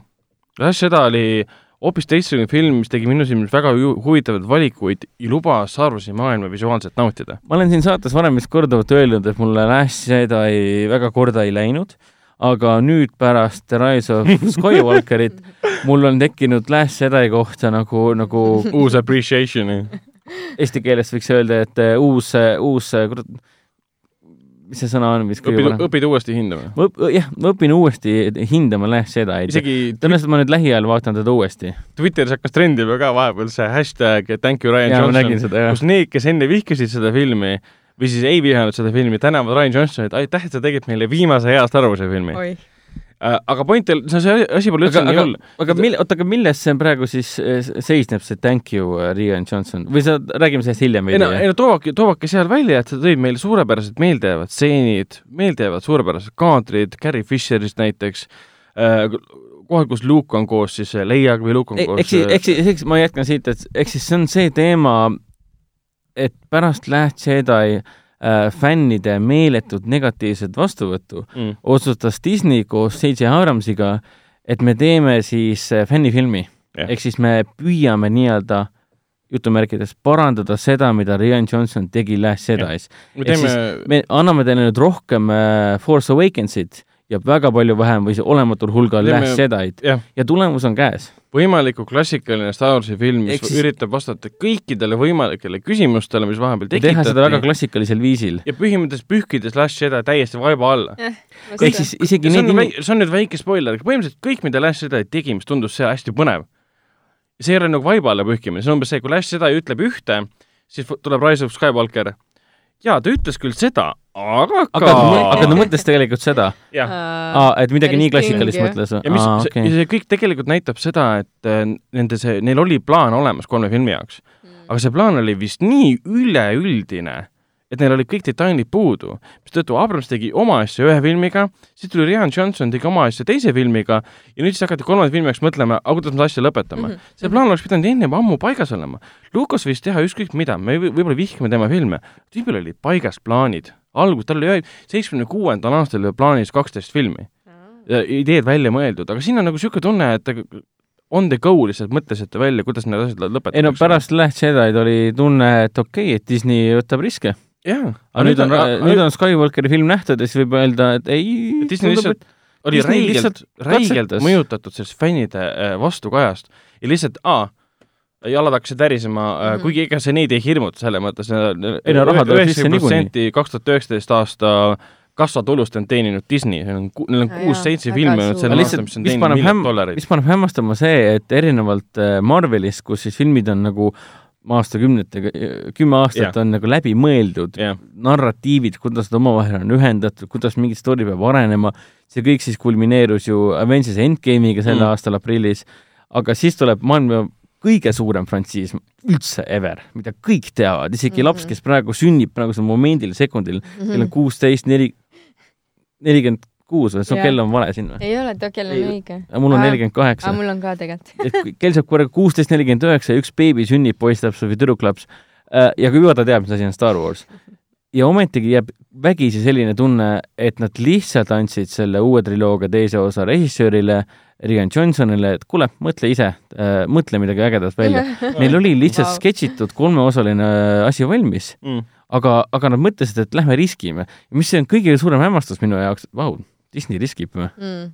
Või? jah, selles mõttes oligi, ükskõik mis mida nagu inimesed ütlevad Last Jedi kohta, seal olid huvitavad ideed, huvitavad mõtted ja kõik see, aga uus film ei ole halb selles mõttes, ta ei ole nagu kohutav saast. filmi kunstiliselt on tore, ta on hästi-hästi tempokas, hästi-hästi kiire, ta on võimas arust, Daisy Ridley ja Adam Driver teevad selle seeria parimad rollisooritused seal nüüd jah, Nad näevad kõik, fantastilised kõik välja. näitlejad on väga kihvtid. visuaalses mõttes on ta kinoekraani film. ta on lihtsalt- täiesti crazy, mis seal tegelikult toimub. ja visuaalses mõttes istud ja naudid selles mõttes ja, ja eriti Adam Driver lihtsalt mulle väga jaa, meeldib. ma olen kogu aeg mõelnud selle Eh? peale. esimeses filmis ta oli kuidagi nagu lapsik nagu siuke peksis oli, nii ma ei saa hakkama. Tei-, Lash edasi muudeti ta päris huvitavaks, nüüd on kas, samamoodi kas Lash edasi oli see, kus ta peksis oma äh, Keilo Renni äh, maski puruks või? nüüd ma nagu vaatasin seda klippi uuesti, kuidas ta, kuidas ta Mm. seda teeb ja siis äh, koos Rise of Skywalkeri kontekstiga mõtlesin, et kurat, kui äge see tegelikult on. Mm. et see lause, lause, et let the past die ehk siis lase mm. minevikul surra, ehk siis Mm. sõna otseses mõttes Rian Johnson ütleb, et laske selle Darth Vaderile surra, lähme nüüd edasi, lähme nüüd edasi, teeme oma tulevikku nii-öelda. aga selles selles mõttes võtad oma maski kätte, mis on inspireeritud Darth Vaderist ja peksad selle sodiks, aitab Mm. küll. kuigi nagu Rise of Skywalkeris on äh, mõned stseenid küll, mis sõna otseses mõttes äh, on nagu taaslavastatud versioonid Last Jedi'st, mis on lavastatud hoopis teistpidi sa Hmm. veits saad aru, aa, see on nagu fuck you Ryan Johnsonile, et sa tegid siin ühte asja, me teeme siin hoopis teistmoodi, ma ütlen, mis see otseselt on. okei. mõttes Aga- see ei ole ju mingi saladus, et äh, uus triloogia äh, on sõna otseses mõttes uus nägemus kõigi esimese triloogia põhjal. Mhm. jaa, seda küll, jah et. Force Awakens on äh, Jah. kõige esimene osa, Last Jedi on keskmine osa, ehk siis see treeningosa Last Jedi oli nii-öelda. väga sarnane Empire'ile ja Empire see pole mingi saladus, et Rise of Skywalker on väga sarnane Return of Jedi'le. jah, et see on Return nagu Jedi'le. see on umbes selline, et mul tõenäoliselt enamik kriitikud ei viitsi enam seda mainidagi lihtsalt, kes Ameerikas kirjutavad. äh, ta on, see film on võib-olla nagu halb võib-olla selle koha pealt, et ta poleks saanud niikuinii täita kõikide fännide soove. ja ta on halb võib-olla selle koha pealt, et ta üritab teha kõike kõigi jaoks ja seal on tempo kohati niivõrd laes. Kogu aeg toimub midagi, ükskõik mida tegelastega juhtub, on see suurem traagiline asi või mitte, see kohe pühitakse edasi ja siis, aa, seda ei juhtunudki, lähme edasi, Mhm. lähme edasi, lähme ja, edasi. ja vahet pole kui ebaloogiline see hetkel ka on ja. kohe tuleb mingi uus info, sa hakkad mõtlema, oota, kuidas see nüüd sobitub, siis film annab sulle põhimõtteliselt teada, kuule, lähme edasi, meil pole aega, lähme edasi, meil pole aega, lähme edasi, lähme aega. ja film kestab kaks ja pool tundi peaaegu ja lihtsalt kogu aeg niisugune tunne, et lähme edasi, isegi kuradi selles äh, title crawl'is on kohe täiesti uus info mingi, väga põnev, tahaks selle kohta rohkem teada, film läheb edasi. jaa, et sul on, sul on nagu siin treil- treileritega ja, ja muu infoga on sulle nagu õrritatud äh, uusi tegelasi ja comeback'e ja siis, siis tuleb see maailmakuulus see äh, alguslindi rull või noh, kuidas Mhm. eesti keeles on- öeldakse, et, et algustiitrid liiguvad, kus siis me saame teksti äh,, mis siis, mis siis Star Warsi universumis praegu on toimunud ja juba antakse ära hästi palju spoilerific nagu informatsiooni, mis Jah. on täiesti ebavajalik. selle infoga põhimõtteliselt terve film ei tegeleta ka. aa, siis ei pea lugema ühesõnaga algusest, jah? ja see ongi nagu kummaline, et on hästi palju lahedaid ideid, aga selle asemel, et lõpetada nagu vanad ideed ära, mis on pooleli, no tutvustavad hästi palju uusi, mida pole varem, millest pole varem üldse räägitud. ja see ehitatakse uuesti peale, unustatakse vanad asjad ära ja siis, kui need asjad hakka- hakkavad lõpuks nagu lahenema või juhtuma, see on kõik nii kiirustatud, kõik nii tuttavlik kohati, kohati ilgelt loll ja ebaloogiline, see, mis nagu, see on üks nii- nii-öelda lõpulahing, oli kohati väga rumal, see kõik oli nii loll kohati aga samas näeb ilus välja, tuttavad Mm. näod tulevad, Kuigi- tuttav muusika tuleb ja kõik kuigi see. filmi kasuks räägib see, et J.J. Abrams on äh, noh, sarnaselt Force Awakensile, mille ta lavastas ja kirjutas osaliselt siis, nad on väga palju vaeva näinud sellega, et ta oleks lõplik nii-öelda, et see sõna see lause, see pealkirja, see Rise of Skywalker, sõna otseses mõttes seda tähendabki ja ta on Jah. nii mitmetähenduslik, sest noh, Last Jedi'ga, sa oled ju, Ellen on näinud ikka Last Jedi'd, jah? jaa, muidugi. Luke on surnud ju, Leia on ka päriselus surnud mm Mhm. -hmm. nii-öelda Mm. mis värk on nagu, mis, mis nende Skywalkeritega, Skywalkeritega see on? no Han Solo on ka surnud. kõik need tähekõndijad on surnud ju, kõik see Mm. vana, vana klass on surnud nii-öelda, see vana lend on läinud, et mi- mida te siin üldse teete. aga mulle see väga meeldis, et nad mõtlesid välja selle väga cool'i loo tegelikult. vahet pole, kas sulle meeldib see või mitte, noh, see, mida nad siin tiisinud on mm., ma ei hakka rääkima sellest, mis see on, aga mulle see tegelikult väga meeldis, kõik need suured äh, pöörded nii-öelda, sisulised pöörded. Tuuakse lambist välja ja siis mõtled mingi, vau, päriselt või? ja siis põhimõtteliselt tuleb see teema sisse, kuidas see Skywalkerite nii-öelda taak või siis nende pärandus edasi kandub uutele kangelastele ja kuidas siis mõni kangelane avastab, kes ta tegelikult on ja siis kolmas, neljas, viies tegelane avastab, kes ta tegelikult on ja, ja nii edasi. see kõik on nii, mitte, mitte, kes nad tegelikult on või milleks nad võimelised on. See on kõiges, see ka, mida Ri- Rian Johnson küsis seal Last Jedi lõpus, et äh, kas sa pead olema äh, vereliini pidi mingisugune Skywalker või kes iganes, et olla Jedi. ja see oli kõige huvitavam asi üldse selles filmis, et ä- ei, äkki ma ei peagi olema Mm. seotud kuidagi, ma võingi olla suvaline tüüp tänaval. õnneks, õnneks seda teemat siin selles uues filmis nagu hoiti alles ka, et Jah. mingid asjad ikkagi jäid alles. jah, aga mulle üldjoontes, noh, Helen näeb varsti filmi ära, et mulle see Skywalkeri tõus ehk siis story-wise, story äh, loo põhi- mõttes nagu tegelikult väga meeldis jaa, ei, selles mõttes see, see, see, kuidas see kokku on traageldatud, see nagu nii, nii oluline enam, noh, see, seda Ta-, see väärib väga ta- palju kriitikat, ta on oluline, aga ta on väga kehvalt kokku targeldatud Jaa. yeah., aga sul on õigus, et Kylo Reni ja siis teisi äh, selle äh, Rei, Rei liikumine, kui sa Rey ja- ainult neid kõik muu fa- face'id nagu välja, see on huvitav. et kuna, kuna nemad sõna, sõna, sõna otseses mõttes Kylo Ren ja Rei on sõna otseses mõttes seotud äh, filmi pealkirjaga Rise of Skywalker, siis nende lood kannavad õnneks seda selgroogu väga Jah, kenasti üleval, hoiavad seda sirgena ja lõpul suur lahing on tegelikult mm., mõjub väga ägedalt. olgugi, et ta on võib-olla imelikult ja valuliselt. noh, endiselt siin on hästi palju asju, mis nagu päästavad filmi, see on endiselt suurepärased näitlejad tegelikult ja kõik aga eks me see, siis äh, uuel välja aastal, löökehaga Kylo Ren ei näe seekord, mis on nagu Ah. kahju muidugi. jah, Helen läks näost ära täiesti. miks ma üldse sinna lähen? selles mõttes on lahe ka, et kui, kui olete tüdinenud nagu Star Warsis, siis lihtsalt vaadake sealt ähm, Netflixis seda Marriage Story't, kus äh, Adam Driver hoopis õige. acting chops'e teeb hoopis Seal, kus- teistmoodi. Keilo Renn korjub Black Widow peale ja, ja täpselt, täpselt, või siis vastupidi, Black Widow korjab Keilo Renni peale. aga, aga Star Warsi mõttes jaa, ta teenib miljardi dollari niikuinii ära, see on kõik selge, need uued samas, sa vaat- uued filmid tulevad, aga loodetavasti see Skywalkeri seebikas kõik saab läbi. üks huvitav asi, ma tahaks välja tuua, Skywalkerid ongi kogu selles saagas kõiges olnud süüdi. Anakin Skywalker oli süüdi selles, et põhimõtteliselt, et ei- impeerium tekkis üldse Mm. mm., ta aitas sellele sünnile kaasa ta on. süüdi selles, et kõik džeedid maha löödi. jah, ta on süüdi selles, et sitid tagasi tulid. jah.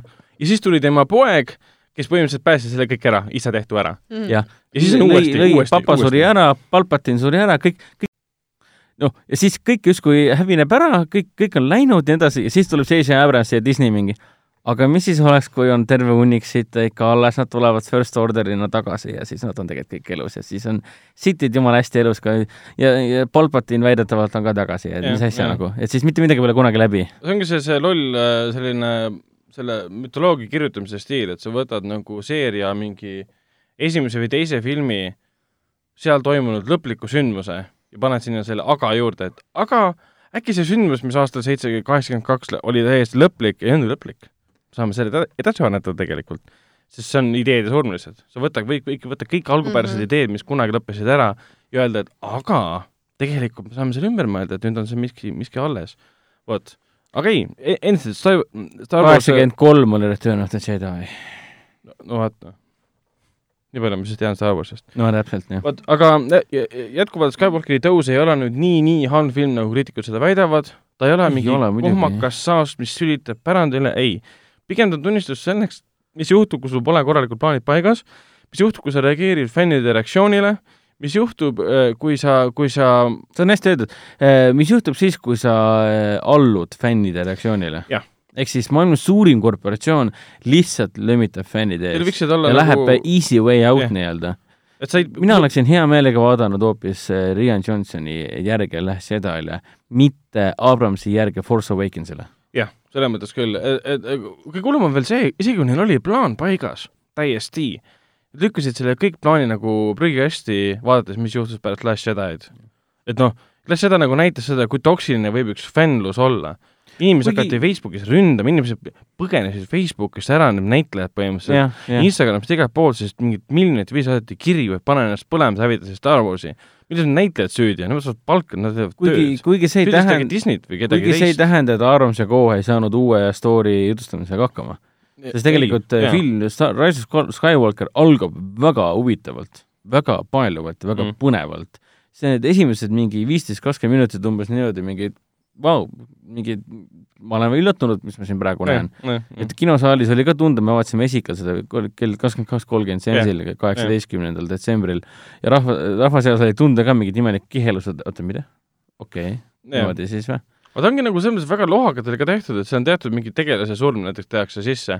sa mõtled oh,, issand, kui põnev, tegelane suri ära, siis kaks minutit hiljem, aa, it's, he's fine, he's fine, siis just fine. Disney, Disneyl on enam, kõik ja niimoodi Disney printsid ja printsessid, nad ei sure kunagi ära ja. neil enamuste nagu tuntud tegelastega, kogu aeg tehakse seda, et aa, ma vaatan viimast korda oma sõpru, ütleb Street PPO, Street 3PO ja siis mingi aa, he's fine, he's fine, midagi ei juhtunud tegelikult, kellelgi kunagi midagi ei juhtu, välja arvatud pahadega. et treileris mängitakse välja nagu oh my god, mis see tähendab, filmis mingi, aa, see on mingi random mööduv moment, okei, jah, never mind. ja, ja, ja võib-olla suurim negatiivne kriitika ongi see, et on nii kiire. Lihtsalt nii tempokas, ma hea meelega vaataksin uuesti IMAX-isse, et näha Teneti Mina- algus, algus. Teneti treiler jookseb ju, tähendab äh, pikendatud treiler, ma sain aru, enne seda on siis proloog. ei, tavaline treiler, proloog, proloogi lõpus on lisakaadrid. jah, täpselt, nagu ikka vist on see, et sul on proloog ja siis pannakse sinna lõppu mingi väike üritaja, need on kaadrid, mis on samasugused, mis on treileris, aga need, mida nagu pikendatud versioonid neist põhimõtteliselt. ma ei ole kindel, kas ma Star Warsi viitsin uuesti vaadata, aga ma, samas ma pole kindel ka selles, et kas ma nüüd olen võimeline kümme eurot maksma selle eest, et vaadata lihtsalt kuus minutit Ma- Teneti proloogi ei,. mina teeksin seda, et ma vaatan proloogi ja vaatan filmi ka uuesti. jaa, ei, on seda selles mõttes, et see ei, ta on väärt uuesti vaatamist, selles mõttes, et Star Wars, uus Star Wars ei ole by all means, ei ole ta nagu, ta on, ei ole ta nagu läbikukkumine, see viimane ei, film. kindlasti mitte. ta tõmbab asjad kokku, lihtsalt ta teeb seda väga veidral viisidel. jah, mu sõber ütles ka, et ta käis äh, IMAX-is vaatamas seda Rise of Skywalkerit ja ütles, et ei, film oli väga tore, aga kõige meeldejäävam osa filmist oli ikkagi see Teneti proloog seal.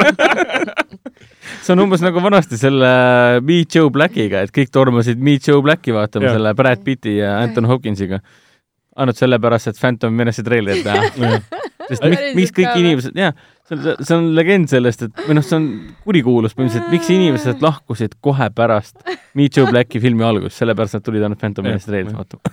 kusjuures see Mitchell Black on nagu väga imelik film, peaaegu kolm tundi kestev, väga Mm. aeglane draama. see oli naiste draama, see Ei, oli ma olen- naistele mõeldud film ja On see toimis ei, olen väga-väga mitu hästi. korda vaadanud, hiljuti vaatasin uuesti üle ka. Suurepärased näitlejatööd Mm. mm., operaatori töö on selline, et lihtsalt hakka nutma mm. -hmm. Thomas Newmani muusika ja no see Brad Pitti ja siis selle naisnäitleja, kelle nime ma ei mäleta jaa, ma ka ei mäleta praegu ja siis Hopkinsi töö on ka suurepärane ja väga veider film, väga veidratesse kohtadesse nagu läheb, lihtsalt ongi sellest, et surm tuleb maale ja avastab, et tahaks olla inimene paar päeva. Claire Forlani. jah, täpselt. ega tal rohkem väga polegi midagi vist olnud. ja, ja ma arvan, Star Warsiga samamoodi, väga paljud lähevad Star Warsi sellepärast vaatama, et näha seal Teneti eh, treilerit ja seda Mhm, proloogi mhm. ja Eestis eriti tahad näha seda linnahalli tseeni mm. Mhm. kuule, aga mõni ime ka, et Meet Joe Blacki lavastaja on sama mees, kes tegi Scent of a Woman'i ju, no vot, noh, kõik on jah. see sama, samas kandis seal ja kõik. Beverly Hillsi Võmmi lavastas ka. Mhm. ühesõnaga, kokkuvõttes Star Warsi kohta ütleme seda, ta ei pruugi rahuldada kõiki fänne, mida on niikuinii oleks võimatu olnud teha praeguse seisuga. soovitame kindlasti vaadata, võib-olla suurim miinus, võib-olla eh, minu, minu, minu jaoks suurim pettumus selle filmi juures oli see, kuivõrd ükskõikselt ta kohtles Last Jedi'd. ja kui sa oled ikkagi, kui sa oled, kui sa oled ikkagi ma ei ole Last Jedi fänn, aga ma olen täiesti nõus aga kui sa oled ikkagi triloogia nagu osa, siis äkki see koht oleks siis nagu päriselt ka triloogia. ei tohiks olla eraldiseisvad, nii nagu. ehk siis nagu sa ütlesid, Abrams, kes lavastas Rise of Skywalkeri ja Force Awakensi, tegi järje oma esimesele Star Warsile. Ja. Last Jedi on umbes niimoodi nagu spin-off oleks nüüd praegu seisuga. Rise of Skywalker on täpselt sama vastuoluline kui Last Jedi, aga kardinaalselt erinevatel põhjustel ja kui eelmine osa püüdis midagi uut teha ja sai peksa selle eest, siis uus osa teeb täpselt, lömitab ja teeb täpselt seda, mida on alati tehtud, aga ta saab ikka peksa selle eest. ehk siis kui, kõik, kõik ei saa korraga rahuldada. Helen ka, kui, kui, kui mä- mäletad South Parkis seda Memberberry's, jah. siis see on lihtsalt kogu filmi ajal lihtsalt vaatad, Memberberry, I remember, kogu, I remember. kogu filmi aja motsutab teid member päriselt siin ja, ja, mu- tuttav, muusika tuttav, kommentaar tuttav, tekst mingi I Okei. remember. sa oled nagu silmad kinni panna, mingi aa. samas me võime kõlada natuke liiga negatiivselt muidugi Rise of Skywalkeri suhtes, okay.. minu silmis ta ei ole rotte, minu silmis on ta fresh.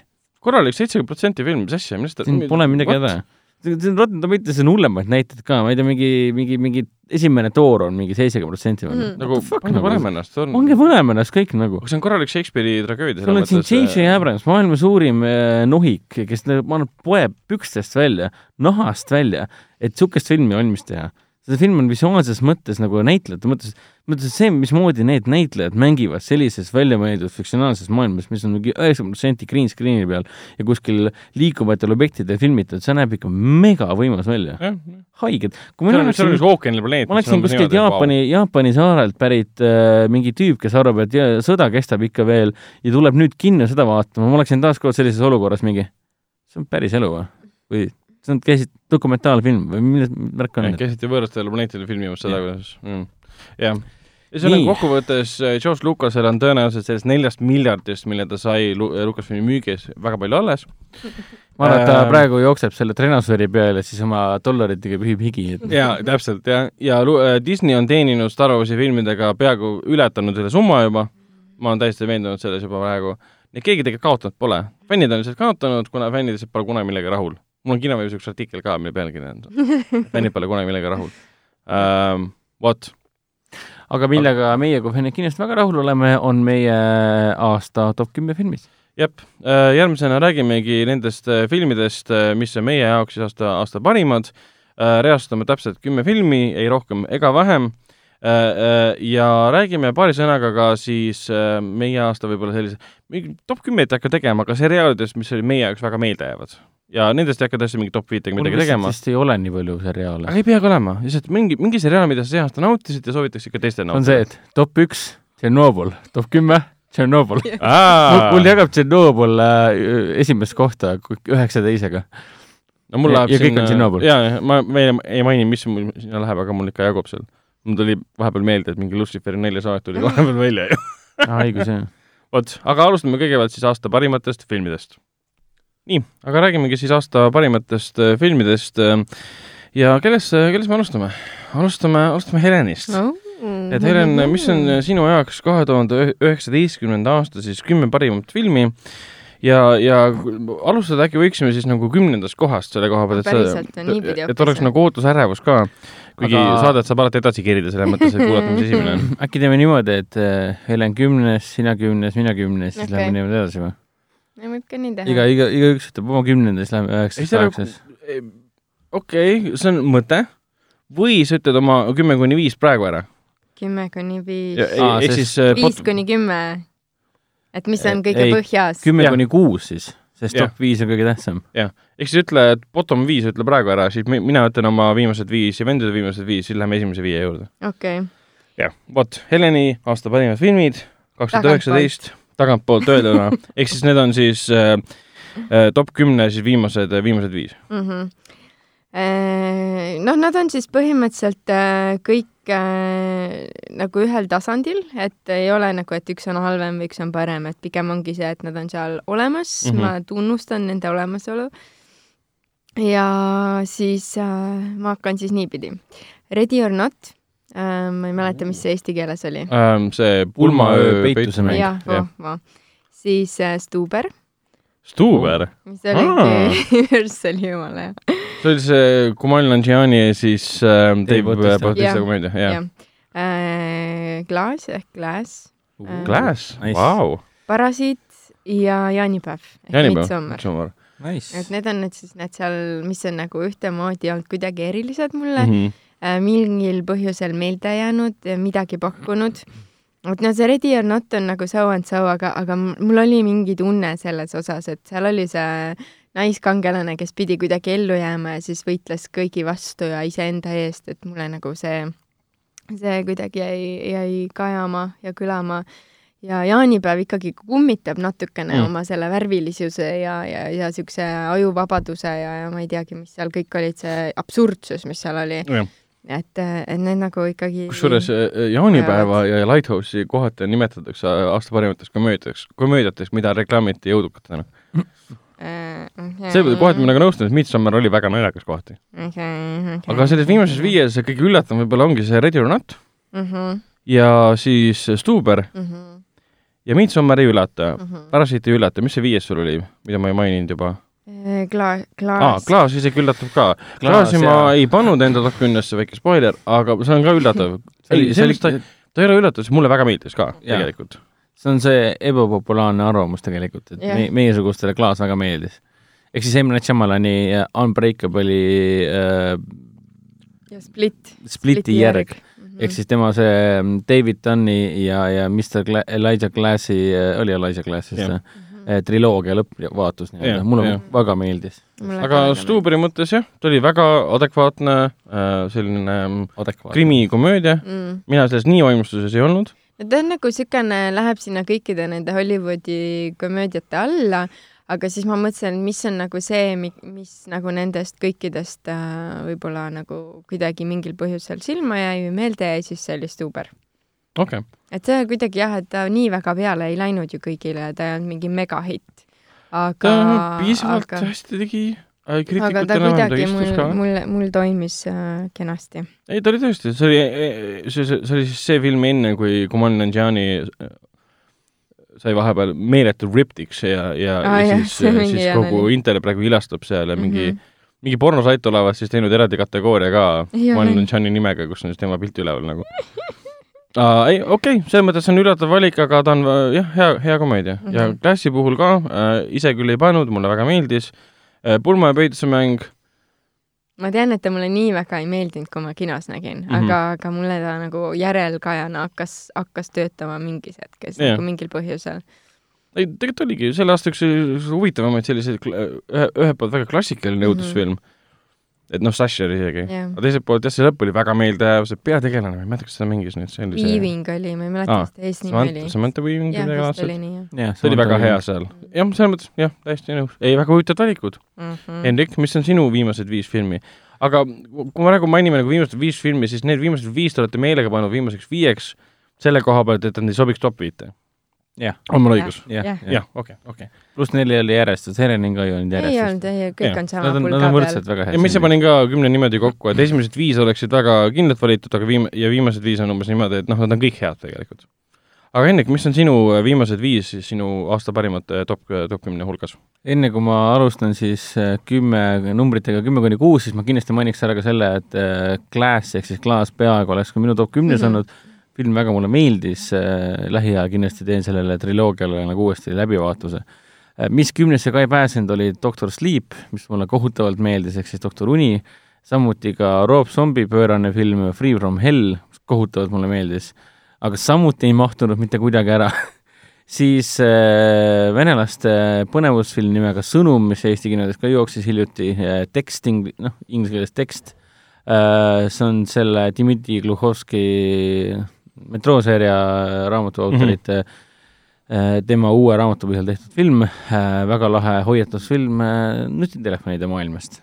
samuti tahaks ära mainida ka siis äh, äh, PÖFFi suure hittfilmi Il Peccato ehk siis Patt Mm. kohutavalt hea film, Ukraina film Atlantis, samuti ka How to train a dragon kolmas osa ja, ja mainiks veel ära ka Knives Out'i, Frozen kahe ja, ja ka selle Beanbowli ehk siis Pizza Wars, venelased Aa. ah. esitasid sellega siis oma äh, shortlist'i, sai ta lõpuks edasi ka sinna võõrkeelse filmi kategooriasse jaa. siin on muidugi veel hulga filme, tahaks ära mainida, aga tead, keskendume tähtsamatele. kümnes koht, Tõde ja õigus. oi, oi, viimane koht. ei ole viimane koht, ütleme nii, et ta on kuues koht. kõik, kõik filmi, kõik viis filmi on mul kuuendal kohal nii-öelda okay., tõde ja õigus äh, Eesti filmina vaimustav äh, saavutus On. äh, ja ka kui võtad Eesti filmi valemist välja, siis ka sellel tasandil vägev ajalooline draama mis, mis toimib tegelikult igas keeles, igas kultuuriruumis minu meelest mulle kohutavalt meeldis, see töö, mis selle alla on tehtud oli hämmastav. Üheksas koht, The Lighthouse, majakas mm, mm, mulle väga meeldis, ootan seda momenti, et saaks seda jaanuaris Artises uuesti vaadata tõsi, näitavad ja siis sealt ka tuleb uuesti jah. äh,. Dafoe ja Pattinson, eriti just Pattinson ka samuti, noh, Dafoe'st on juba teada, et ta teeb crazy't, crazy, crazy, crazy rolli, aga Pattinson ka, noor Pattinson ennast nii palju tõestanud pärast kõike seda äh, Twilighti saagat, mis ta läbi elas. ja David Eggers, Dave Eggers. Dave Eggers The Witchi režissöör, minu meelest see Lighthouse on selle aasta üks äh, äh, noh, tähelepanuväärsemaid saavutusi lihtsalt filmi tehnilises valdkonnas mm.. ta ei ole tingimata lõpuni kandev, sellepärast ta siis ei mahtunud ka top viite, aga ta on kindlasti selline film, mida ma lähiajal nüüd uuel aasta alguses kindlasti vaataks uuesti, kohe esimesel võimalusel. puhtalt sellepärast, et näha, kuidas ta ikka veel toimib mm.. Kaheksas koht Jänes Püks Jojo ehk siis Jojo Rabbit, mis alustab siis Eesti kinodes, no juba praegu jooksevad eellinnastused regulaarselt peaaegu et iga päev jah, aga muidu alustab siis jaanuari alguses. me nägime teda siis, siis PÖFFil. jah, PÖFFil täissaalile. Taika Waititi tegi täiesti pööraselt naljaka selle aasta parim komöödia ah,. ei, mitte päris komöödia, sest mul on top viies on üks aasta parim komöödia ka. seitsmes koht Avengers Endgame, tasujad mm. lõppmäng äh,. erinevalt siis Star Warsi viimasest filmist äh, näitas Marvel ette ka, ka, ka legendaarsele Lucasfilmile, kuidas tegelikult ajastu lõppu teha.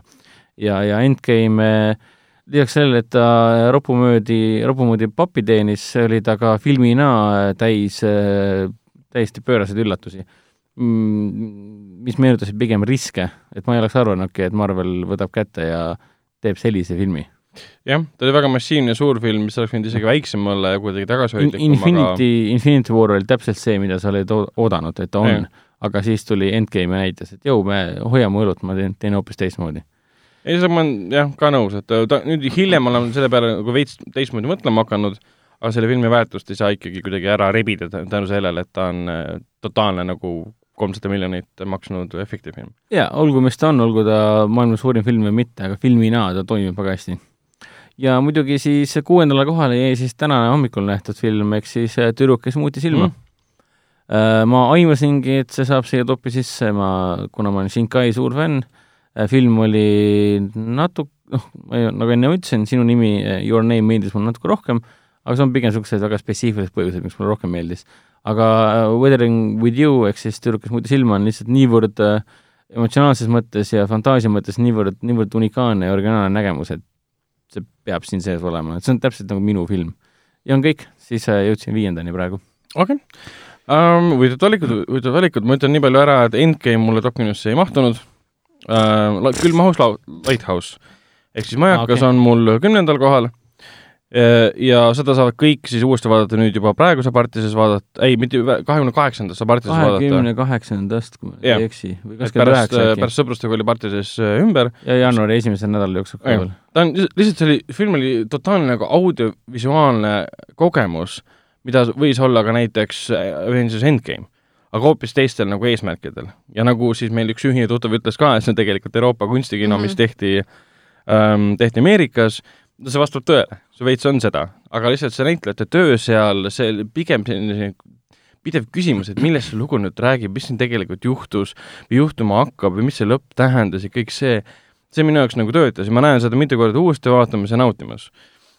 Üheksandale kohale mina panin Assi ehk siis Meie, mis on siis Jordan Peele'i film, mis tuli märtsis-veebruaris välja, märtsis äh, mis oli tema siis järg siis, nii-öelda järg siis äh, sellele äh, Get Out'ile, mitte küll otsene järg, vaid tema siis uus õudusfilm. temaatiline järg. jah, miks ta on viimase viie hulgas, ongi sellepärast, et ta ei olnud nii, ma ei ole teda uuesti vaadanud, see on võib-olla minu kahjuks räägib veits, ta ei olnud nii konkreetne ja niivõrd selge kui, kui äh, Get Out, aga ta ei pidanudki olema. aga mulle tundus, et see maailma ehitamine, mida seal tehti, see ei, ei pidanud vett väga hästi, mõned kohad nagu lasid läbi, mm. -hmm. mistõttu ma teda kõrgemale ei paneks, aga siiski ma hindan väga, et ta tegi õudusfilmi, kuhu ta ehitas, tundus olevat täiesti tavaline maja horror, keegi tungib kuskil sisse, kedagi ründab, ehitas sellise world building'u, sellise mütoloogia ehitas sinna sisse, et see on nagu, sa nägid liiga palju vaeva sellise filmi jaoks, aga aitäh, et sa tegid. sa nagu näitad, et selline laialevi õudusfilm võib äh, väga palju huvitavaid asju teha. et noh, It kaks selles mõttes ei teinud väga palju huvitavaid asju, aga ta oli visuaalselt võimas, Doctor Sleep ei teinud ka väga palju huvitavaid asju, aga samas ta tegi ka piisavalt palju huvitavaid, et olla nagu silmapaistev. Aga jällegi äh, väike spoiler, et äh, Doctor Sleep ei mahtunud mulle top kümnesse. kaheksandale kohale panin Jojo Rabbiti, mida ehk siis Jänes Püks Jojo, mis on nagu Hendrik juba mainis, hakkab jõudma siis, siis ka kinno jaanuaris. Taika Waititi Ration mulle väga meeldib, filmi huumor on minu arust oli suurepärane, eriti kuna see käis käsikäes traagikaga ja traumaga, kuna see leiab aset teise maailmasõja ajal ja lihtsalt natside üle ja nendega koos tehakse nalja ja ma ei saa üle ümber sellest ühes äh, tseenis, kus seal siis need kõik ütlesid hail, hail, hail, lihtsalt oli vapustav. Ja see nagu aitas nagu näha võib-olla seda, mida see aasta teeb siis Marriage Story ka äh,, äh, äh, seda Scarlett Johansoni võib-olla mõnest teisest küljest ka, kui see, et ta on Black Widow ja, ja kuskil võitleb seal võõrast, võõrastel planeetidel äh,. seitsmendale kohale mina panin äh, Värvitud linnu, Painted Oi, oi, oi,, Painted. Bird. Vau. kohe mis- kunstiteema mm.. Äh, kuule, mul läks sügavalt see film korda, ta nägi vapustav välja, ta kes-, ta oli kolm ja pool tundi äh, mustvalge äh, siis sõjafilm äh, teise maailmasõja aegsest siis äh, äh, Euroopast. ja see lugu töötas, kuna väike poiss on nagu peategelane, ta ei olnud iga kunagi mitte kordagi tekkinud seda tunnet, et issand jumal, lõpetage ära see kunstiline onamine, seda absoluutselt ei olnud. lihtsalt nagu ma soovin seda, et see kuskil meie kinodesse uuesti tuleks. ta ei olnud nii pikk, ta oli kaks nelikümmend üheksa. Ainult kolm ja pool või? ma olen siin ka. Vaata nüüd. ma saan aru, et kõik filmid, mis on üle kahe tunni, on kolm ja pool. no kõik mõjuvad umbes niimoodi. aga see kindlasti ei mõjunud ja mulle ta väga-väga meeldis, et ta jõudis ka siis, jõudis ka siis sellesse shortlist'i äh, Oscarite puhul, jõudis ikka, jõudis küll jah Jah, oli jaa, oli küll. et äh, ma ei, ma ei usu, et ta edasi jõuab, sest ta on selleks liiga, liiga pikk ja liiga veider, aga tõde õigus võidab ära niikuinii. jaa, seda küll jah, olen täiesti veendunud. aga kuna ta oli pikk ja veider, siis seda ma vaataksin mõne aasta pärast isegi uuesti. Kuuendale kohale siis uh, panin Vanamehe filmi. ohoh mm, sest see, mis Oskar Lehemaa ja Mikk Mägi tegid, see ei ole nüüd tingimata maailma mõttes midagi erakordset, aga Eesti mõttes kindlasti. ja tänavu, tänavune aasta tegelikult oli Eesti mõttes väga võimas, meil on siin Tõde ja õigus, meil on siin Vanamehe film, meil on siin Nolan, meil on siin Oskar, meil on siin see filmilinnak, mida hakatakse nüüd varsti ehitama, kõik sellised asjad, ja, ja Vanamehe film tõestas, et noh, ka selliseid filme võib teha ja võiks veel rohkemgi tulla, kindlasti mitte samasuguseid tingimata. Ja mul isegi vanemad vaatasid selle filmi nüüd jõulude ajal ära, neile ka väga meeldis mm., mis näitab tegelikult, et vanematel inimestel läheb ka film peale mm, -hmm. olgugi see huumor kohati meenutab mingit South Parki või Rick and Morty't selles mõttes, et äh, ma vaatasin ka veits seda uuesti, endiselt briljantne huumor mm. -hmm jah, ongi minu ühe, kümnest kuni kuuene paigas, aga Helen, mis on sinu siis viis kuni üks filmid? Okei okay, äh,, kõige siis tagantpoolt ehk äh, number viis on John Wick kolm ehk Parabellum. oh sa raisk wow.. ma ei suutnud, see oli ähm,. täiesti nõus ka muidugi, et ja, ja. ma ei tea, Keanu Reaves ja see värk ja Olle Berry ja action, ei, jaa, see on. ja need koerad, need ja, koerad, see koeraseen äh, on üks ägedamaid, mida on kasutatud äh, nagu võit, võitlustes või, või siukestes äh, mingites action ites. see oli nii, nii cool lihtsalt, et noh ühesõnaga see nagu ja ei, see film oli täis asju, mida pole varem nähtud. me käisime sinuga koos seda mm -hmm. Helen vaatamas kahekesi ja see oli lihtsalt nagu täiesti pööras, naerad, nutad, mingi rõõmustad kaasa ja, ja puhtalt selle üle, kuidas leidlikel viisil inimesed mhm. tapetakse mm. -hmm. aga samal ajal see on kõik nagu selline balls to the wall või see äh, vere ja higiga loodud äh, huvitavalt välja mõeldud action'iga mm. ka veel, et see on üks, üks kõige paremaid action filme, mis viimasel aastal tehtud. Ja siis äh, neljandal kohal on äh, Buffy film Karvased lood mm. ehk äh, A Hairy Tale ja see oli ka, see oli nii äge, see oli geniaalne sellepärast, et see oli tehtud ühes ruumis, ühes ainukeses ruumis, kus oli läbivalt kolm näitlejat ja sinna lisandus siis aeg-ajalt juurde mõned või siis vahepeal läksid ära mõned ja see läks noh, lõpus läks täitsa käest ära, läks hulluks seal mingi kätte, aga lihtsalt kui äh, osavalt oli tekst koostatud ja lavastatud ja mise-en-scene kokku, kõik toimis lihtsalt suurepäraselt ja see jättis väga sügava mulje mulle ja mis oli kõige ägedam, et see oli hoopis kuskilt teisest kohast pärit, minu arust see oli Iisraeli film mm. -hmm. et hoopis teine keel, kõik on hoopis teine, aga ometigi filmi lugu ja kõik selline suur kombo töötas ülihästi minu meelest, see oli väga äge mina seda kahjuks PÖFFil ei näinud, aga Hendrik, sa nägid või? mina nägin ja täiesti nõus, täiesti okay. pööraselt hea film. ja siis nüüd kolmandal kohal äh, on vene film, mida ma nägin ka PÖFFil äh,, Pull ehk mm. Põkk. et samamoodi toores jõud äh,, toores selline äh, Äh, raskele elule vastu minema, minemine, et noh, ta ei olnud ideaalne kindlasti, aga see emotsioon ja see mälestus sellest filmist on väga eredad ja ma tean, ja need näitlejad olid lihtsalt nii, nii, niivõrd ägedad, et äh, see nagu mul, ma vaataks seda uuesti, kui ma saaksin ja tekitas niisuguseid tundeid igasuguseid, et ahah, ma tean seda värki ja ma mõistan seda vägivalda ja ma näen ja et noh, kõik mulle väga meeldis et see siis on kolmandal kohal. Äh, teisel kohal on siis äh, minu lemmik Eesti film sellel aastal oi, ehk oi. Äh, Skandinaavia vaikus. jaa Ah, ja enne kui saadet alustas, mul läks täiesti meelest ära Skandinaavia vaikus tuli see aasta. ta oli mingi veebruaris äkki või kunagi, kunagi külmal ajal ja siis ah, see oli ülimasendav, väljas külm ja, ja, ja tume ja siis fi, film on mustvalge ja kõik teemad on tumedad yeah. ja kõik on nagu hullult masendav.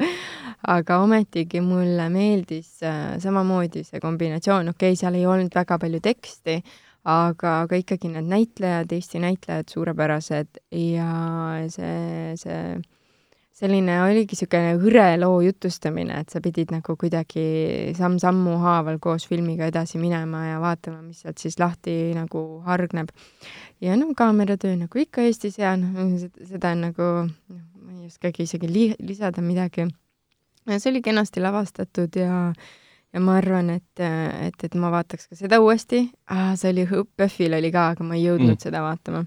aga ei, see on ju, ju huvitav jah, sa sa tead väga hästi, et kui meie vennaga koos käisime vaatamas, et me ilmselgelt ei nautinud filmi nii palju mm, -hmm. kui sina, aga tagantjärgi hiljem mida rohkem ma filmi peale mõtlema hakkasin, seda rohkem ma sain aru, et kui hea ta tegelikult oli. see on tõenäoliselt niisugune nagu see slow burn või, või, või see yeah. mingisugune üli, üli, üli slow. kuna ta oli slow burn, siis ma võib-olla ei, võib-olla ei tajunud üldse film sellisena, nagu ta võib-olla oleks pidanud läbi tulema, aga hiljem hakkasin mõtlema, kuidas ta oli struktureeritud ja kuidas ta oli esitatud, see narratiiv, siis tegelikult on, see oli väga huvitav. jah, ta nagu keeruline, et ta ei olnud minu arust lineaarne ja selle tõttu ongi seda raske vaadata, et äh, iga, ega igas meeleseisundis ta kindlasti ei sobi mm. ka et äh, aga minu arust see oli huvitav ja, ja selline teistsugune.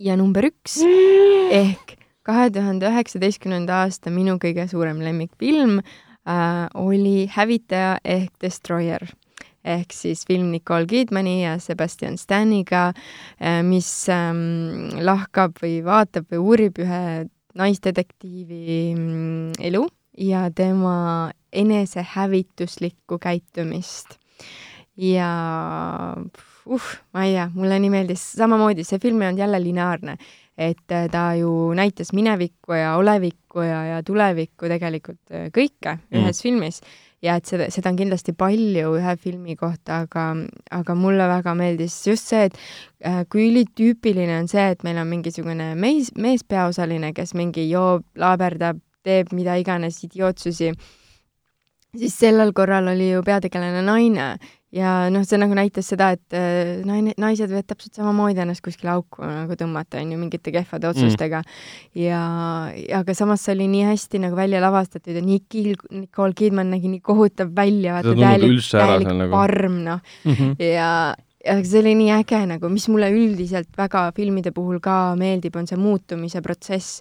et samamoodi nagu Skandinaavia vaikuses meil oli nagu esitatud äh, mingisugune algpunkt ja siis me nägime seda muutumist, mis oli siis kas enne toimunud või mm. pärast, et kuidas meie tegelased sellesse punkti said ja kuidas nad edasi saavad nüüd sellest, et täpselt samamoodi, et Destroyer ehk hävitajas oli täp-, ka niimoodi, et et me nägime seda protsessi, et kui hea kõik võib olla ja kuidas mingi asi võib viia absoluutselt kõige halvema asjani üldse ja just see, et see karakteri hüpe on hästi suur ja see emotsionaalne selline laeng vaatajana sa saad selle hästi suurelt samamoodi kätte, kui sa näed seda muutumist ja seda pinget ja seda enesehävituslikkust ja kõike seda, mida peategelane eitab või ei tunnista või, või nagu laseb nagu maailmaviha või mis iganes mm, -hmm. emotsionaalselt hästi laetud. et äh, sellepärast mulle see film väga meeldis ja ma tahaks seda hullult veel näha, aga ma ei tea, Netflixis hetkel teda minu arust ei ole, Amazonis veel ei ole, jah.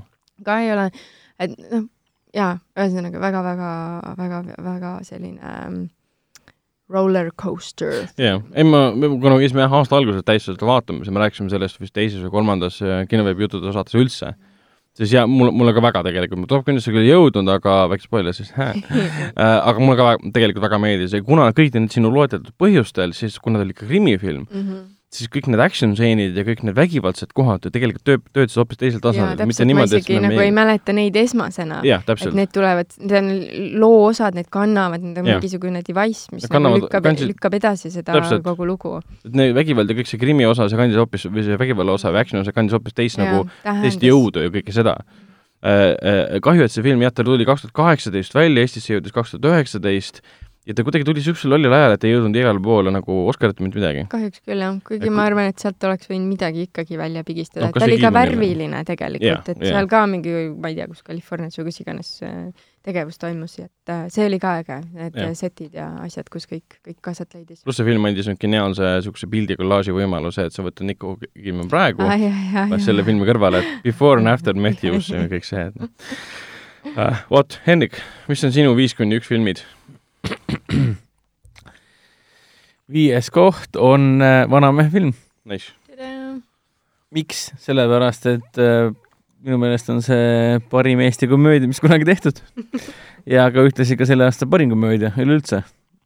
minu meelest, äh, kuna mulle Vanamehe huumor väga meeldib Mikk Mägi ja Peeter Litso loodud Vanamehe koomika on mulle alati nagu südamelähedane olnud siis nüüd, kui Mikk Mägi ja Oskar Lehe võtsid kätte ja tegid täispika vanamehe filmi, siis ma olin, millele ma kõige rohkem üllatunud olin, et kuivõrd äh, ägeda loo nad olid kokku pannud ja kuivõrd ägedad elemendid kõikidest, nagu näha, siis kõikidest nende lemmikžanritest nad olid kokku pannud.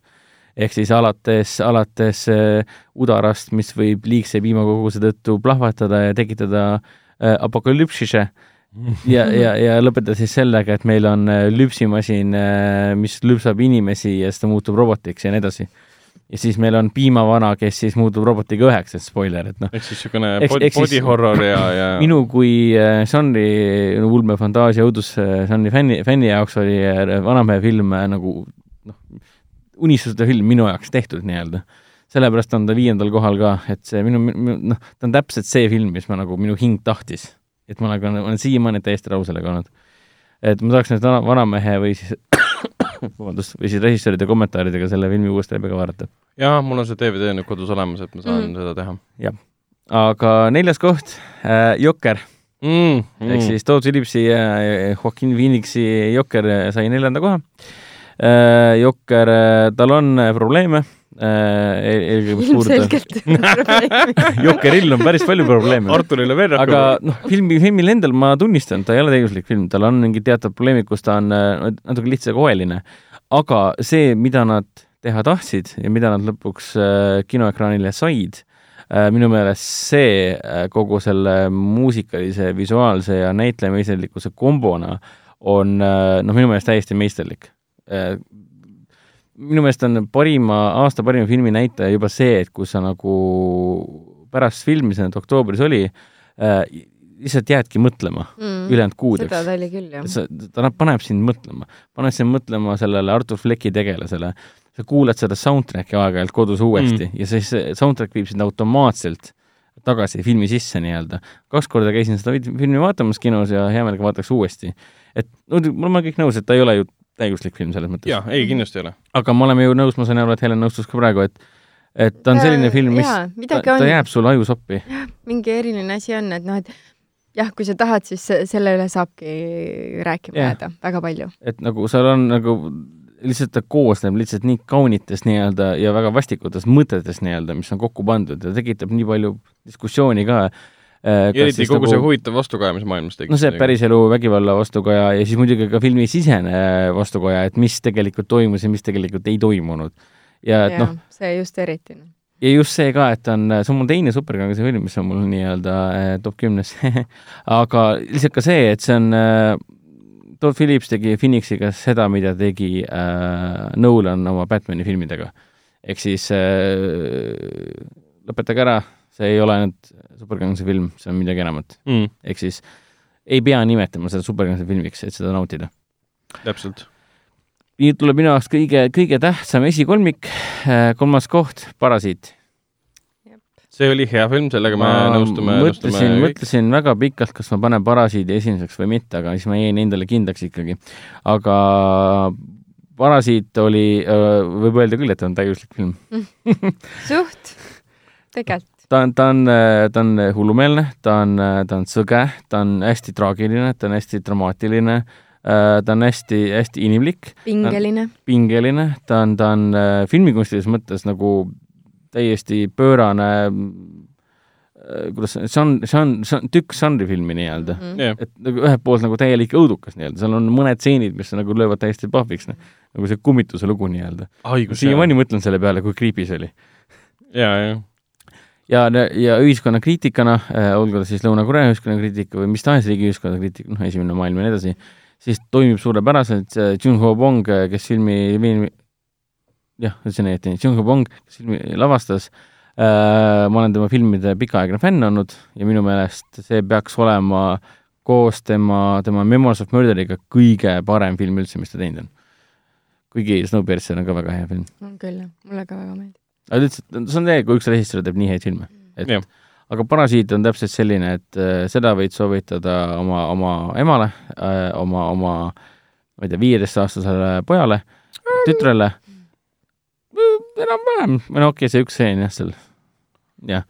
Aga ütleme nii, et ta sobib kõigile, ta ei ole žanri film selle kõige konkreetsemas mõttes. Mm, -hmm. ta on väga lahtine film, ta sobib kõigile söömiseks nii-öelda ta on, ta on, see film on nagu karusöök nii-öelda, et see, ta võib olla liha, ta võib olla taimetoit, kõik, kõik saavad siit midagi endale, endale, endale hinge alla nii-öelda.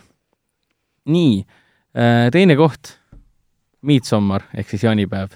Äh, film, mida ma väga pikalt ootasin, käisin seda samuti kaks korda vaatamas ja, ja selle, selle, selle, selle meisterlik kõhedus on see, mis sarnaselt Jokkerile ja Parasiidile mul nagu alates, mis seal suvel tuli ju, pärast jaanipäeva tuli film välja äh,. on mul siiamaani meeles, aeg-ajalt kuulan soundtrack'i uuesti, vaatan algusstseeni uuesti, et filmi, filmi ääretult niisugune psühholoogiliselt väga vägivaldne lähenemine suhtedraamale on, on väga haige. ta, ta ei ole otseselt õudusfilm kui selline, et ta on pigem nagu psühholoogiline folk jah, Thriller? jah, midagi niisugust, midagi kahtlast tegelikult on lihtsalt suhte, suht-, ühe, ühe suhte lõppemise lugu. ta, ta on nagu Marriage Story ainult folk horror. jah, ta võib-olla on liiga pikk, ta, ta võib-olla Jaa, jaa. keskendub valedele asjadele liiga kaua Mm. aga mulle meeldib see, et režissöör Ari Aster pärast äh, Pärilikku ehk siis Hereditarit, mis oli samuti väga hea film, võttis kätte ja nagu nautis täiega seda, mida ta teha tahab ja ei teinud nagu allahindlust.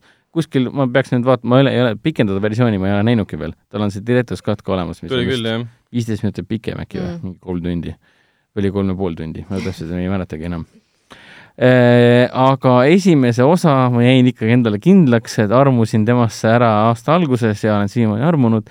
ehk siis see film, mille mina, sina panid vist, ma ei tea, kaheksas või üheksas koht. üheksas. mina panin siis esimesele kohale, ehk siis Jordan Peele'i Meie ehk siis Mm. Us. mm. Miks? sellepärast, et minu kui žanri fännile Jordan Peele täitis ära kõik kastikesed äh, õiget värvi linnukestega nii-öelda. ehk siis ta teadis täpselt, mida ma tahan nii-öelda.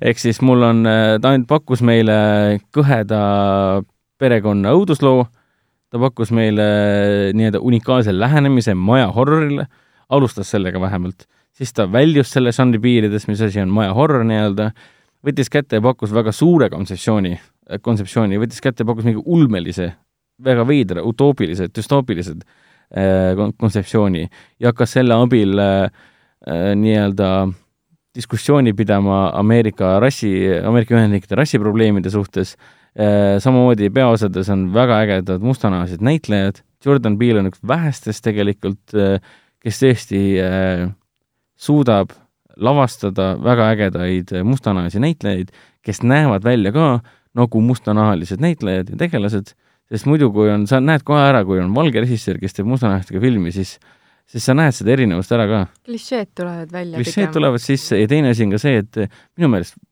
enamik valgeid, valgeid režissööre ei, ei oska mustanahalisi filmidagi korralikult no.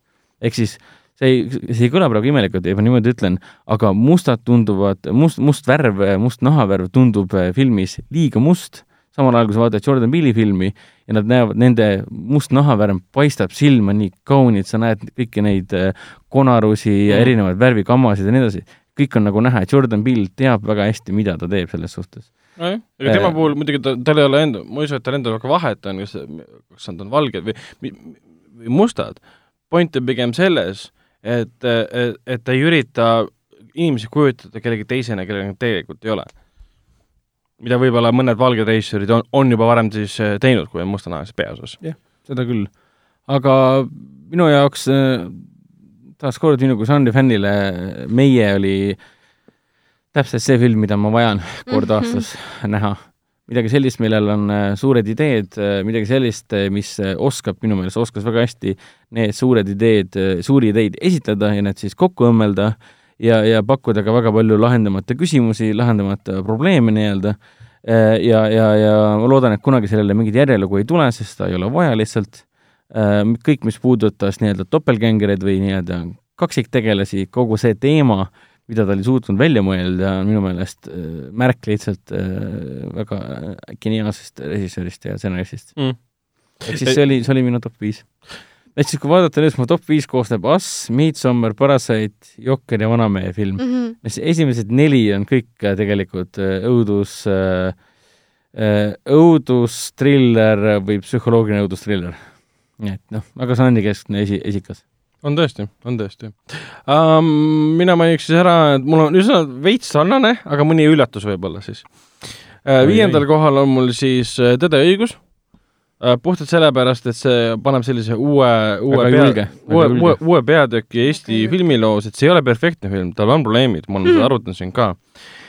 aga see on äh, uus peatükk Eesti filmiloos, et me võime teha puhast eestikeelset filmi täiesti Eesti materjali põhjal, nii Eesti kui üldse olla saab, mis on selles mõttes nagu vana, tihtipeale nagu, mõjub nagu vanakooli Hollywoodi film kohati, nagu, nagu vesterni film no me rääkisime ju ka sellest, et äh, tundub nagu Irishman ja Once upon a time in Hollywood sellises samas vaibis aeglaselt, pikaldaselt yeah, tehtud yeah,, et yeah, yeah. et sobitub tegelikult isegi väga hästi yeah. praegusesse sellisesse et kui ta oleks isegi mm, inglisekeelne olnud, siis ta sobiks niimoodi vabalt äh, samasse ritta panna. ja, sest kõik see production quality, produktsiooni väärtuse äh, kvaliteet ja efektid, näitleja tööd ja kõik see, sest ta mõjub nagu niisuguse kuidas inglise keeles on see sweeping epic, nagu vanasti tehti umbes niimoodi, et noh, ma ei läheks isegi nii kaugele, et hakkad võrdlema mingi suurte, suuremate tegijatega, aga lihtsalt teda on nauding vaadata, sa vaatad, et kurat, see on eestikeelne film, see on mm -hmm. Eestis tehtud selline film lihtsalt, noh, suure tähega selline film lihtsalt.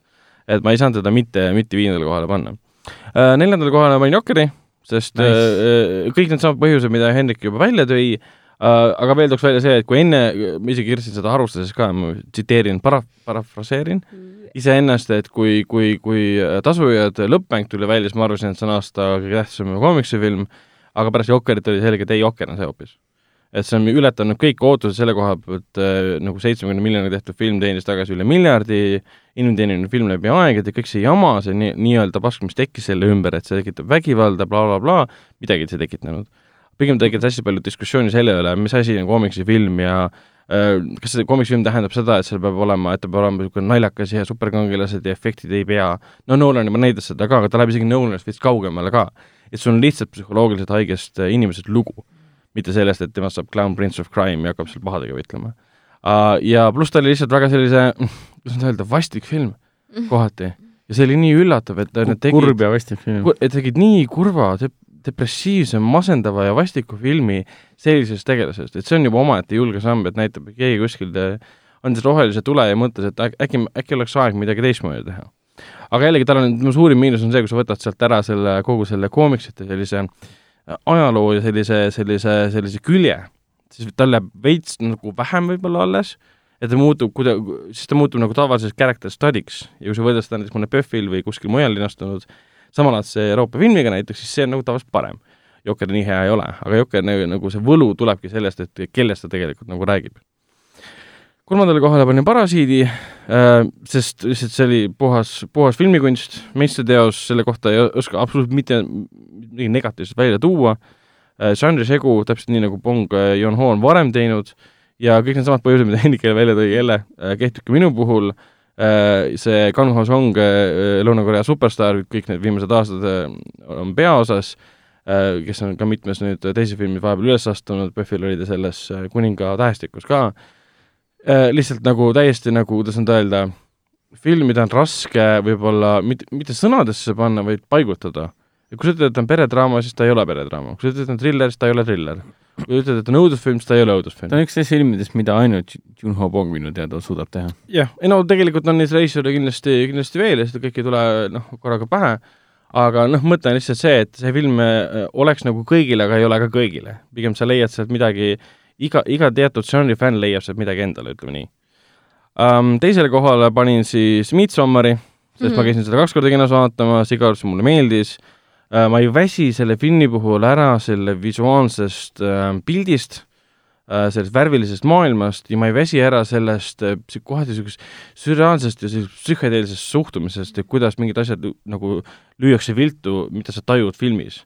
ja pluss ma ei väsi kiitmast äh, Florence Pugh, kes mängib siis seda Piu-Piu peategelast, ta, ta, ta on nii huvitavalt filmitud ja see, kuidas ta seda äh, selliseid, selliseid kriisihetki ja siis neid paanikahoogusid näitlejad, mul endal oli ka tunne nagu mm, -hmm. et issand jumal, et las, laske ta lihtsalt, et näitleja lihtsalt, talle endale ka vist paanikahoog praegu lihtsalt, et see on hämmastav, mida see inimene suudab, see reisijal, Ari Aster suudab näitlejatega teha.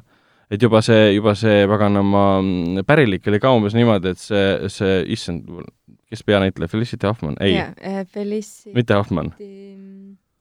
igatahes oh see teine vanem, vanem nais, naisnäitleja. Toni Collette. Toni Collette, täpselt. et ta oli ka seal kohati nagu nii segi pekstud ja mm -hmm. nii mhm. nagu hüsteeriline, et sa mõtled, et näed, et see reisijal lihtsalt nagu tungis talle hinge ja muutis ta hulluks lihtsalt, see on omaette saavutus. pluss ta on nagu see folkloori horror seal ümber, tegelikult see ei ole nii tähtis kõik ega, ega see ei räägi tegelikult otseselt inimeste ohverdamisest ja kõigi igasaastastest traditsioonidest ja nii edasi, aga see oli väga huvitav asi seal taustal kõik. Pluss need kõrvaltegelased kohati olid väga lollid mm, -hmm. aga see oli heas mõttes lollid, sest nad olidki lollid selles mõttes. aga ei, selles mõttes film, see film oli puhas nauding. esimesele kohale mina panin äh, sellise filmi nagu Ad Astra Äh, täht, äh, tähtede poole. päriselt või? jaa, see film äh, sai küll enam-vähem kriitikute mida, venna? kriitikute poolt küll universaalset, universaalset kiitust, aga see ühel hetkel hakkas vaibuma ja fännidele nagu väga ei meeldinud, väga paljud, kes seda kritiseerivad, ütlevad, et ta ei ole korralik ulmefilm, sest ta ei vasta nagu ähm, füüsikaseadustele kohati, aga minu arust on üks nendest nagu sellistest emotsionaalsetest äh, ulmefilmidest ja võib-olla kõige suurem nagu ägedam asi on see, et režissöör James Gray'le anti väga palju raha, et teha nagu Interstellari mingi ja kaks tuhat üks Space Odyssey nagu kvaliteedi mõttes, ma mõtlen nagu production value stiilis filmi, mis ei räägi tegelikult kosmosereisist, kosmoserännust, kosmose saavutustest, ta ei räägi nendest asjadest, ta räägib lihtsalt isa ja poja vahelistest suhetest ja sellest, kuidas see mõjutab tervet põlvkonda edasi, tema enda lapsi ja nii edasi. aga samal ajal ta oli lihtsalt nagu uskumatult hämmastava välimusega kosmoseulmekas et kosmoseumlakas ei pea olema nagu Interstellar, ta ei pea olema nagu Gravity näiteks või midagi laadset, ta võib olla lihtsalt, lihtsalt peredraama äh,, teekonnadraama äh, road movie kosmoses ja Brad Pitt lihtsalt nagu äh, ta oli, see aasta oli, oli Pitt siis selles filmis ja siis ta oli selle Hollywoodi filmis Tarantino omas, tõestas, et ta võib noh, isegi praeguses, praegusel ajahetkel teha ükskõik mis filme ja tuleb maru hästi välja. ja kui ta ise produtseeris ka Ad Astra siis ma tean jah, seda väga paljud kritiseerivad, et, et seal nagu ei toimu midagi tegelikult ja, ja väga aeglane, aga jällegi ta mõjus nagu kunstifilm, lihtsalt tüübile anti sada viiskümmend miljonit, oh äh,, ehitame kõik need asjad üles, teeme kõik need efektid ära, kunstifilm kosmoses tohutu, tohutu väärtusega, produktsiooni väärtusega, aga samal ajal on ta emotional nagu sweeping epic ja samal ajal on ta ka ulmefilmi mõttes väga tuus, väga äge. mulle otseselt ta nüüd nii hästi palju ei meeldinud muidugi, aga, aga aga ma olen nagu nõus sellega, et mulle James Gray režissöörina väga-väga meeldib, äh, mulle tema see Lost City of Z Charlie yeah. Hanamiga yeah. kohutavalt meeldis yeah., väga äge rännakufilm, nii et Ad Astra kõikidel nendel põhjustel ma olen nagu nõus, et on üks selle aasta noh, meeldejäävamaid filme küll. silmapaistvamaid, vamaid kindlasti, et noh, Tommy Lee Jonesil seal ja Liv Tyleril küll väga suur roll ei olnud, ka seda on kritiseeritud, oleks võinud rohkem mulle aga ta oli ühe mehe lugu, isegi minimalistlik lugu ja see on võib-olla kõige filmiga huvitavam külg ka, see on minimalistlik film, mis leiab aset kosmoses, kus rännatakse kuul Marsil kosmoselaevades, mingid kurjad ahvid tulevad kallale ja kõik niisugused asjad, mis on kõik nagu kurjad ahvid ja,. jah, kõik no, seda oligi seal. ta täpselt, seal on kõik niisugused märgid, mis viitavad ülimalt kallile suurejoonelise kosmosefilmi nagu Interstellar, aga ta, ta sisi, sisimas isiklikul tasandil nii-öelda tegelase mõttes ta ei ole seda, ta on lihtsalt üks väike vaikne film, mis on samal ajal väga suur, vali ja võimas. vot okay.. ehk siis mul oli ainsana Ad Astra nimekirjas. jaa, sest ma ei ole seda näinud isegi no.. Samal ajal Helenil oli kõige, kõige kirjum ja teistsugusem ja. nimekiri, meil vennaga oli umbes niimoodi, et nagu äh, oleks võinud ühe, oleks võinud ühe nimekirja teha, siis samad filmid. aga mulle meeldib see, et sa oled just sellise valiku teinud oma esimeseks kohaks. jah, jah, ma mõtlesin väga, väga julge, väga julge. Äh, ma lähtusin mitte tegelikult ainult sellest, et mis on nagu, mis, mis teeb heast filmist hea filmi, vaid pigem sellest, et mis on need filmid sel aastal, mis jätsid nagu tõesti sügava mulje mm. -hmm. mis nagu teistest eredamad või erilisemad või mida iganes kuidagigi. mille peale siiamaani vahel mõtled või, või, või loed artikleid mm -hmm. või, või mõtled, et tahaks kindlasti juba uuesti näha või mis kuidagi, kuidagi mõjutasid või tekitasid mm -hmm. mingeid nagu tundeid ja kui film tundeid ei tekita, siis mõtle, mis mõte tal üldse on no,? ja tunded ei pea olema lihtsalt see, et nagu, et need kaovad hiljem ära, vaid noh, see on ka sellised noh, mõtteliselt tunded, et sa, mingid tunded seostuvad nende ideedega, mis seal mm -hmm. filmis on ja siis pärast lähed edasi või siis need niisugused ideed, mis sul endal kogu aeg on peas ja näed, et aa, mingi film lahkab neid mm.. vot, need olid meie, meie top kümned uh,. mainime mõne sõnaga siis ka aasta parimaid äh, seriaale. mina tooksin näiteks välja, et The Witcherit on väga vara välja tuua, kaks episoodi ainult näinud, aga see on üks aasta parimaid kindlasti wow,. Uh, ma tooksin välja, et The Mandalorian uh,, Star Warsi seriaal Disney plussis on suurepärane. See on nagu see Star Wars, mida ma praegu rohkem näha tahan, kui see, mis praegu kinos on mm. -hmm. ja samal ajal Watchmen on selle aasta üks, tõesti üks, üks parimaid seriaale nii lavastuse mõttes, kirjutamise mõttes, näitlejate mõttes, idee mõttes äh,, kui te ei ole seda vaadanud, siis tõesti palun võtke ette, see on, selle kuues episood näiteks ongi selline, et lihtsalt sa vaatad ja vau wow,, et me oleme jõudnud nii kaugele, et me saame niimoodi teha seriaale, mis on nagu, ületab juba vahepeal mõned filmid, mis on kinos olnud. Selle kohta ma lugesin jah juba, et äh, öeldi, et ah, unustage see troonide mängu viimane hooaeg ära, et vaadake Watchmeni. jah, põhimõtteliselt äh, Chernobyl, suurepärane äh,, millest on väga palju siin saates rääkinud, et ma ei hakka selle pikalt enam, pikemalt enam peatuma. Mindhunteri teine hooaeg oli väga hea Uh, ma arvan, et Helen, Helen nõustub minuga. nõustun sada protsenti, ma nüüd vaatasin, noh, mitte nüüd, aga kui teine sai läbi, siis jälle panin otsast peale mm -hmm, esimesest mm. -hmm. see ongi see asi, mida saab kogu aeg uuesti peale panna, sa nagu mm. ei tunne, et sa vaatad midagi uuesti, vaid sa õpid midagi kogu aeg juurde. ja mm, Stranger Things kolm tooks välja, sest äh, Stranger Thingsi kolmas hooaeg, äh, väga paljud on seda kritiseerinud, mulle jälle väga istus, seal on midagi, mis mind võlub äh,. kõvasti parem kui eelmine.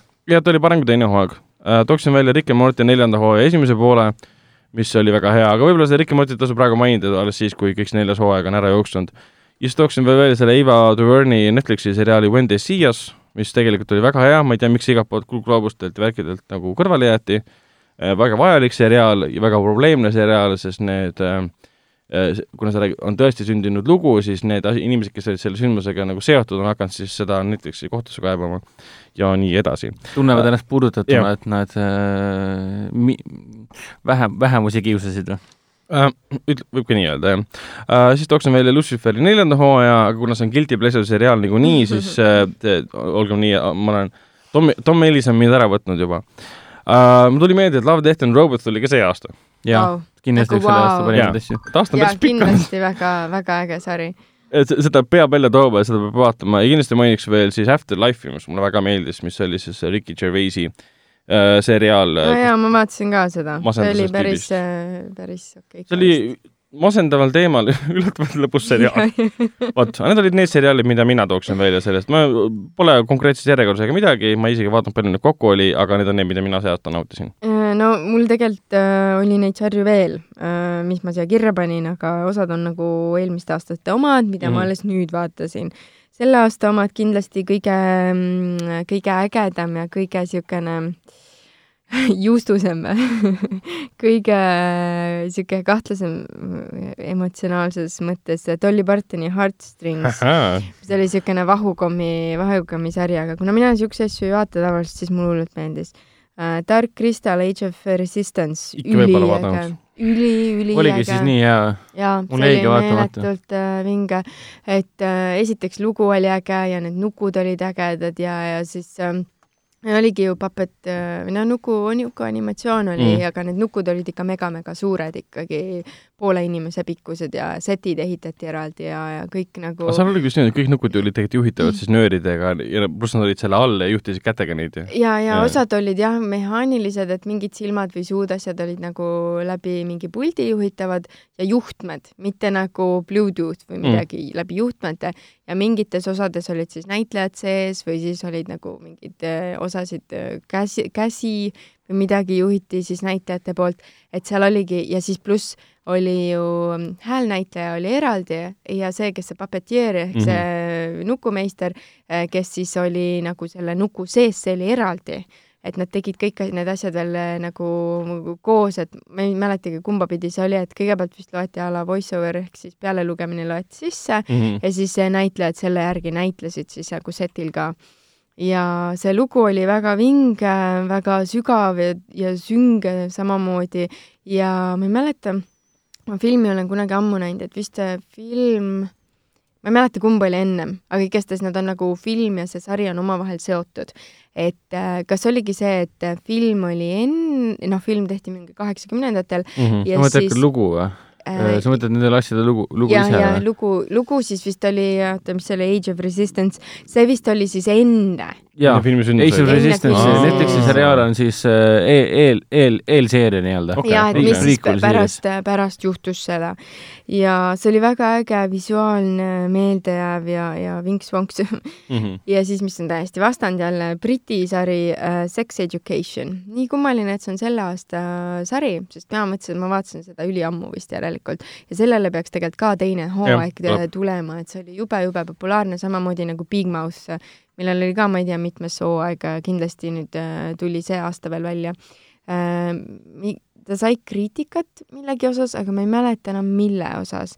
et kellelgi oli mingi asi me, nagu ette jäänud, see Big Mouthi sarjal, et ähm, no seal nad on ka samamoodi, mingi noored avastavad oma seksuaalsust, ainult et see on animatsioon. ja siis neil on seal Hormone Monsters ja igasugused siuksed asjad. ja noh, üht ma tahaks hullult ühte sarja mainida veel okei okay,, tegelikult tahaks hullult paljusid mainida et äh, Chewing Gum, mis oli üliäge Briti mingisugustest äh,, ma ei tea, ma ei tea, siuksest äh, äh, raskesti hakkama saavatest kogukondadest, mis oli ülinaljakas ja Castlevania, mis ah, äh,, mis oli kaks tuhat seitseteist. seitseteist aastat. ma nagu nägin seda tõesti paar kuud tagasi alles ja see oli üliüliäge. varsti peaks teine hooaeg tulema yes.. kolmas hooaeg tähendab mm. -hmm. Yes kolmas juba või? teine aeg tuli siis mis aastal?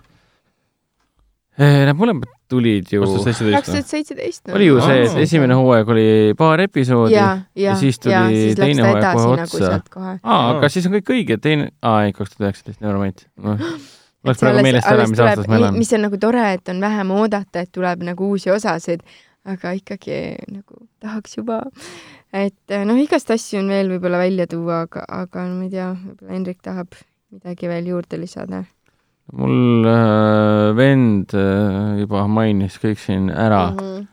mul vist midagi uut ei ole, et äh, lemmikud on kindlasti Love, Death and Robots, Chernobyl ja Mindhunter mm. -hmm. Yeah.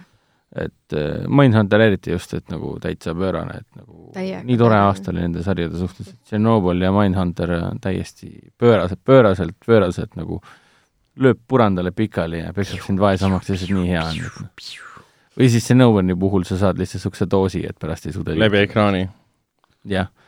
no see Snowball on nii, nagu me oleme siin varem öelnud, sa oled ise ka öelnud seda sõna, et seda väljendit, et, et, et Snowball on nii võimas seriaal, et sa tunned seda rotatsiooni, kuidas see tuleb läbi su äh, ekraani, et tungib sinusse. ei, mul oli ka pärast mingi teise või kolmanda episoodi lõppu, kui need äh, kolm äh, sõdurit äh, läksid sinna äh, pimedasse reaktori alla veekraani kinni keerama ja siis seal tehti see õuduskaader, kuidas läheb aina pimedamaks, siis kostub see rrr, mm -hmm. selle, selle kaigene muidugi hääl ja siis pärast, kui episood ära lõppes, ma kogu aeg kuulsin seda kuskil nagu, issand jumal. vot, kuule, aga siis olemegi aasta parimad filmid ja seriaalid kokku, kokku võtnud, oli tegelikult päris tugev filmiaasta. jaa, päris okei okay oli. ei saaks öelda, et oleks nüüd keskpärane olnud või veits üle keskmise, et tegelikult neid filme, äh, mida me oleksime tahtnud mainida väljaspool top kümmet, võib-olla top kahekümne või top kolmekümne juures oleks veel olnud, aga mm, filmi ei jagu, see ei olnud sellist probleemi, et issand jumal, mul pole midagi top kümnesse panna. Ei no ikkagi ägedad filmid, meil oli Jokker, Parasiit, Midsommar, Us ja Lighthouse ja nagu Doctor Sleep on meil siin olemas. Mm., mis ma ennist ei maininud Äh, no isegi Zombieland kaks on asi, mida ma tahaks välja tuua, et see oli väga äge asi. oli, oli. Alita Battle Angel. suurepärane film. isegi Downton Abbey film oli minu meelest üle ootust ülihea, noh okay.. Uh, muidugi siis Synchronic Bensoni ja Moorheadi uus film. jaa, jaa, seda ma tahtsin ka väga äge. no top kümnesse ei mahtunud, aga top kahekümnesse mahub, et samamoodi uh, Elton Johni eluloo film Rocketman. jaa, ma ise kaalusin ka seda topi panemisele. ma, ma ei arvanud, et see film peaks olema uh, päris kõvasti parem kui Bohemian Rhapsody, aga no jumal hoidku, oligi parem. oli, oli, väga äge äh,, emotsionaalne jälle, niisugune jaa, et nagu kõik need muusikalised numbrid nagu täitsa, täitsa tegid silmad ette mm, -hmm. mis, mis tahes muusikalile. ja samamoodi Pokemon Detective Pikachu. jaa, tõsi. ei, ma käisin kaks korda vaatamas seda, ma ei suuda ära, ära imestada, kui äge film see oli jah no, no, Irismani kindlasti mainiks veel ja et noh. Lamma Shaun, see uus film oli ka päris hea. see oli jumala hea, ilma ühegi sõnade, sõnata oli see film ja, ja nii lõbus oli, nagu nii äge, mulle nii meeldis seda. ja uus Child's Play film oli väga äge, John Wick muidugi ja, ja mm. muidugi äh, Pedro Almodovari äh, Valu ja heilgust. kurat, Valu ja heilgust ma ei top kümnesse isegi kaalunud, aa, ei ole? ma olen seda näinud, tõesti hämmastav, et Almodovar siiamaani suudab emotsionaalselt nii ägedaid filme teha. ta jäi mul vaata, Valuhilgus jäi, jäi mul jah, top kümnesse ääri-veeris siis Knives Out'iga välja, et kui oleks mm. niimoodi, et üheteistkümnendal kohal oleks Valuhilgus ja kaheteistkümnendal kohal oleks siis äh,, oleks siis äh, Knives Out. sest Nugade peal on ka suurepärane film mm.. vot äh,, mainime veel mõne sõnaga ära, et detsembris viimastel päevadel saab endiselt vaadata Sõnumit isandat Foorum Cinemas kinoklassika raames. kahekümne seitsmendal saab vaadata ainult aa ah,, okei okay,, ainult kahekümne seitsmendal, kus on siis kolmel erineval, kolmes erinevas saalis on siis kolm erinevat äh, hommikust alates maratoni. Kõik, kõik kolm filmi, tähendab, kõik algab ühel samal kellaajal, alates, kui ma nüüd ei eksi, üksteist kolmekümnest. Jah, kuni täpselt. siis õ- õhtuni välja. ja järgmine kinoklassika, Schwarzeneggeri Commando. Ehk siis eesti keeles Commando, Commando, Commando. Vau, vau, vau. Äh, alustab see siis, tuleb näitamisele jaanuaris kolm korda, viieteistkümnest jaanuarist alustab äh, kõikidel kolmapäevadel, aga alates siis viieteistkümnendast kuu keskpaigust. ja esikas on Ice and saalis, nii et ma ei suuda ära oodata seda momenti, kui me saame vaadata Schwarzeneggeri täiesti keelvõses pöörast Meruli komöödiat tegelikult okei, okei. okay,, komandot okay. suurel kinoekraanil. jah, tõsi. Mhm. vot, aga juba mainisin filme, mis alustavad sel nädalal äh, kino, mitte kinodes ja mitte sel nädalal, aga mul ei olegi kirjas, mis sel nädalal kinos alustavad. no siis on Hendrik. õige aeg äh, panna meil on õige aeg lõpetada, aga mainime veel kindlasti ära, mis alustab sel nädalal kinodes. no täna õhtul me lähme vaatama ju kasse, täpselt, kätsi lähme vaatama. kiisumisud alustavad ja tegelikult alustab see nädal ka esmakordselt ju Frozen kaks, aa jaa, jaa mis. on juba detsembri algusest saadik kinos olnud. Ja siis tuleb ka päris äge vene komöödia Rahajõmmi piinad, mille kontseptsioon seisneb selles, et äh, rikkuri poeg äh,, talle otsustatakse siis õppetund anda ja ta viiakse nii-öelda ajas tagasi äh, nii-öelda sulaseks talupojaks, pärisorjaks Ah. ehk siis talle tehakse nägu, et ta on ajas tagasi läinud, tegelikult on see suur näitemäng. ehk siis talle püütakse õpetada, kuidas olla inimlik ja, ja mitte laristada nii palju ja olla inimese vas- vas- vastu sõbralik.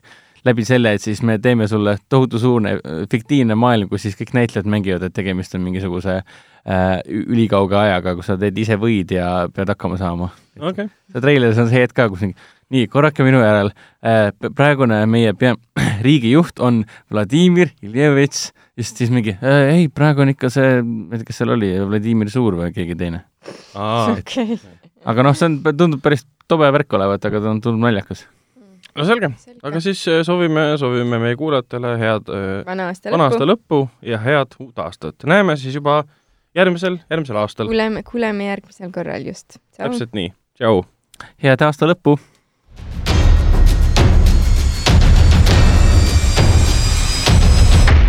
kinoveebi Jututuba podcasti toob teieni Foorum Cinemas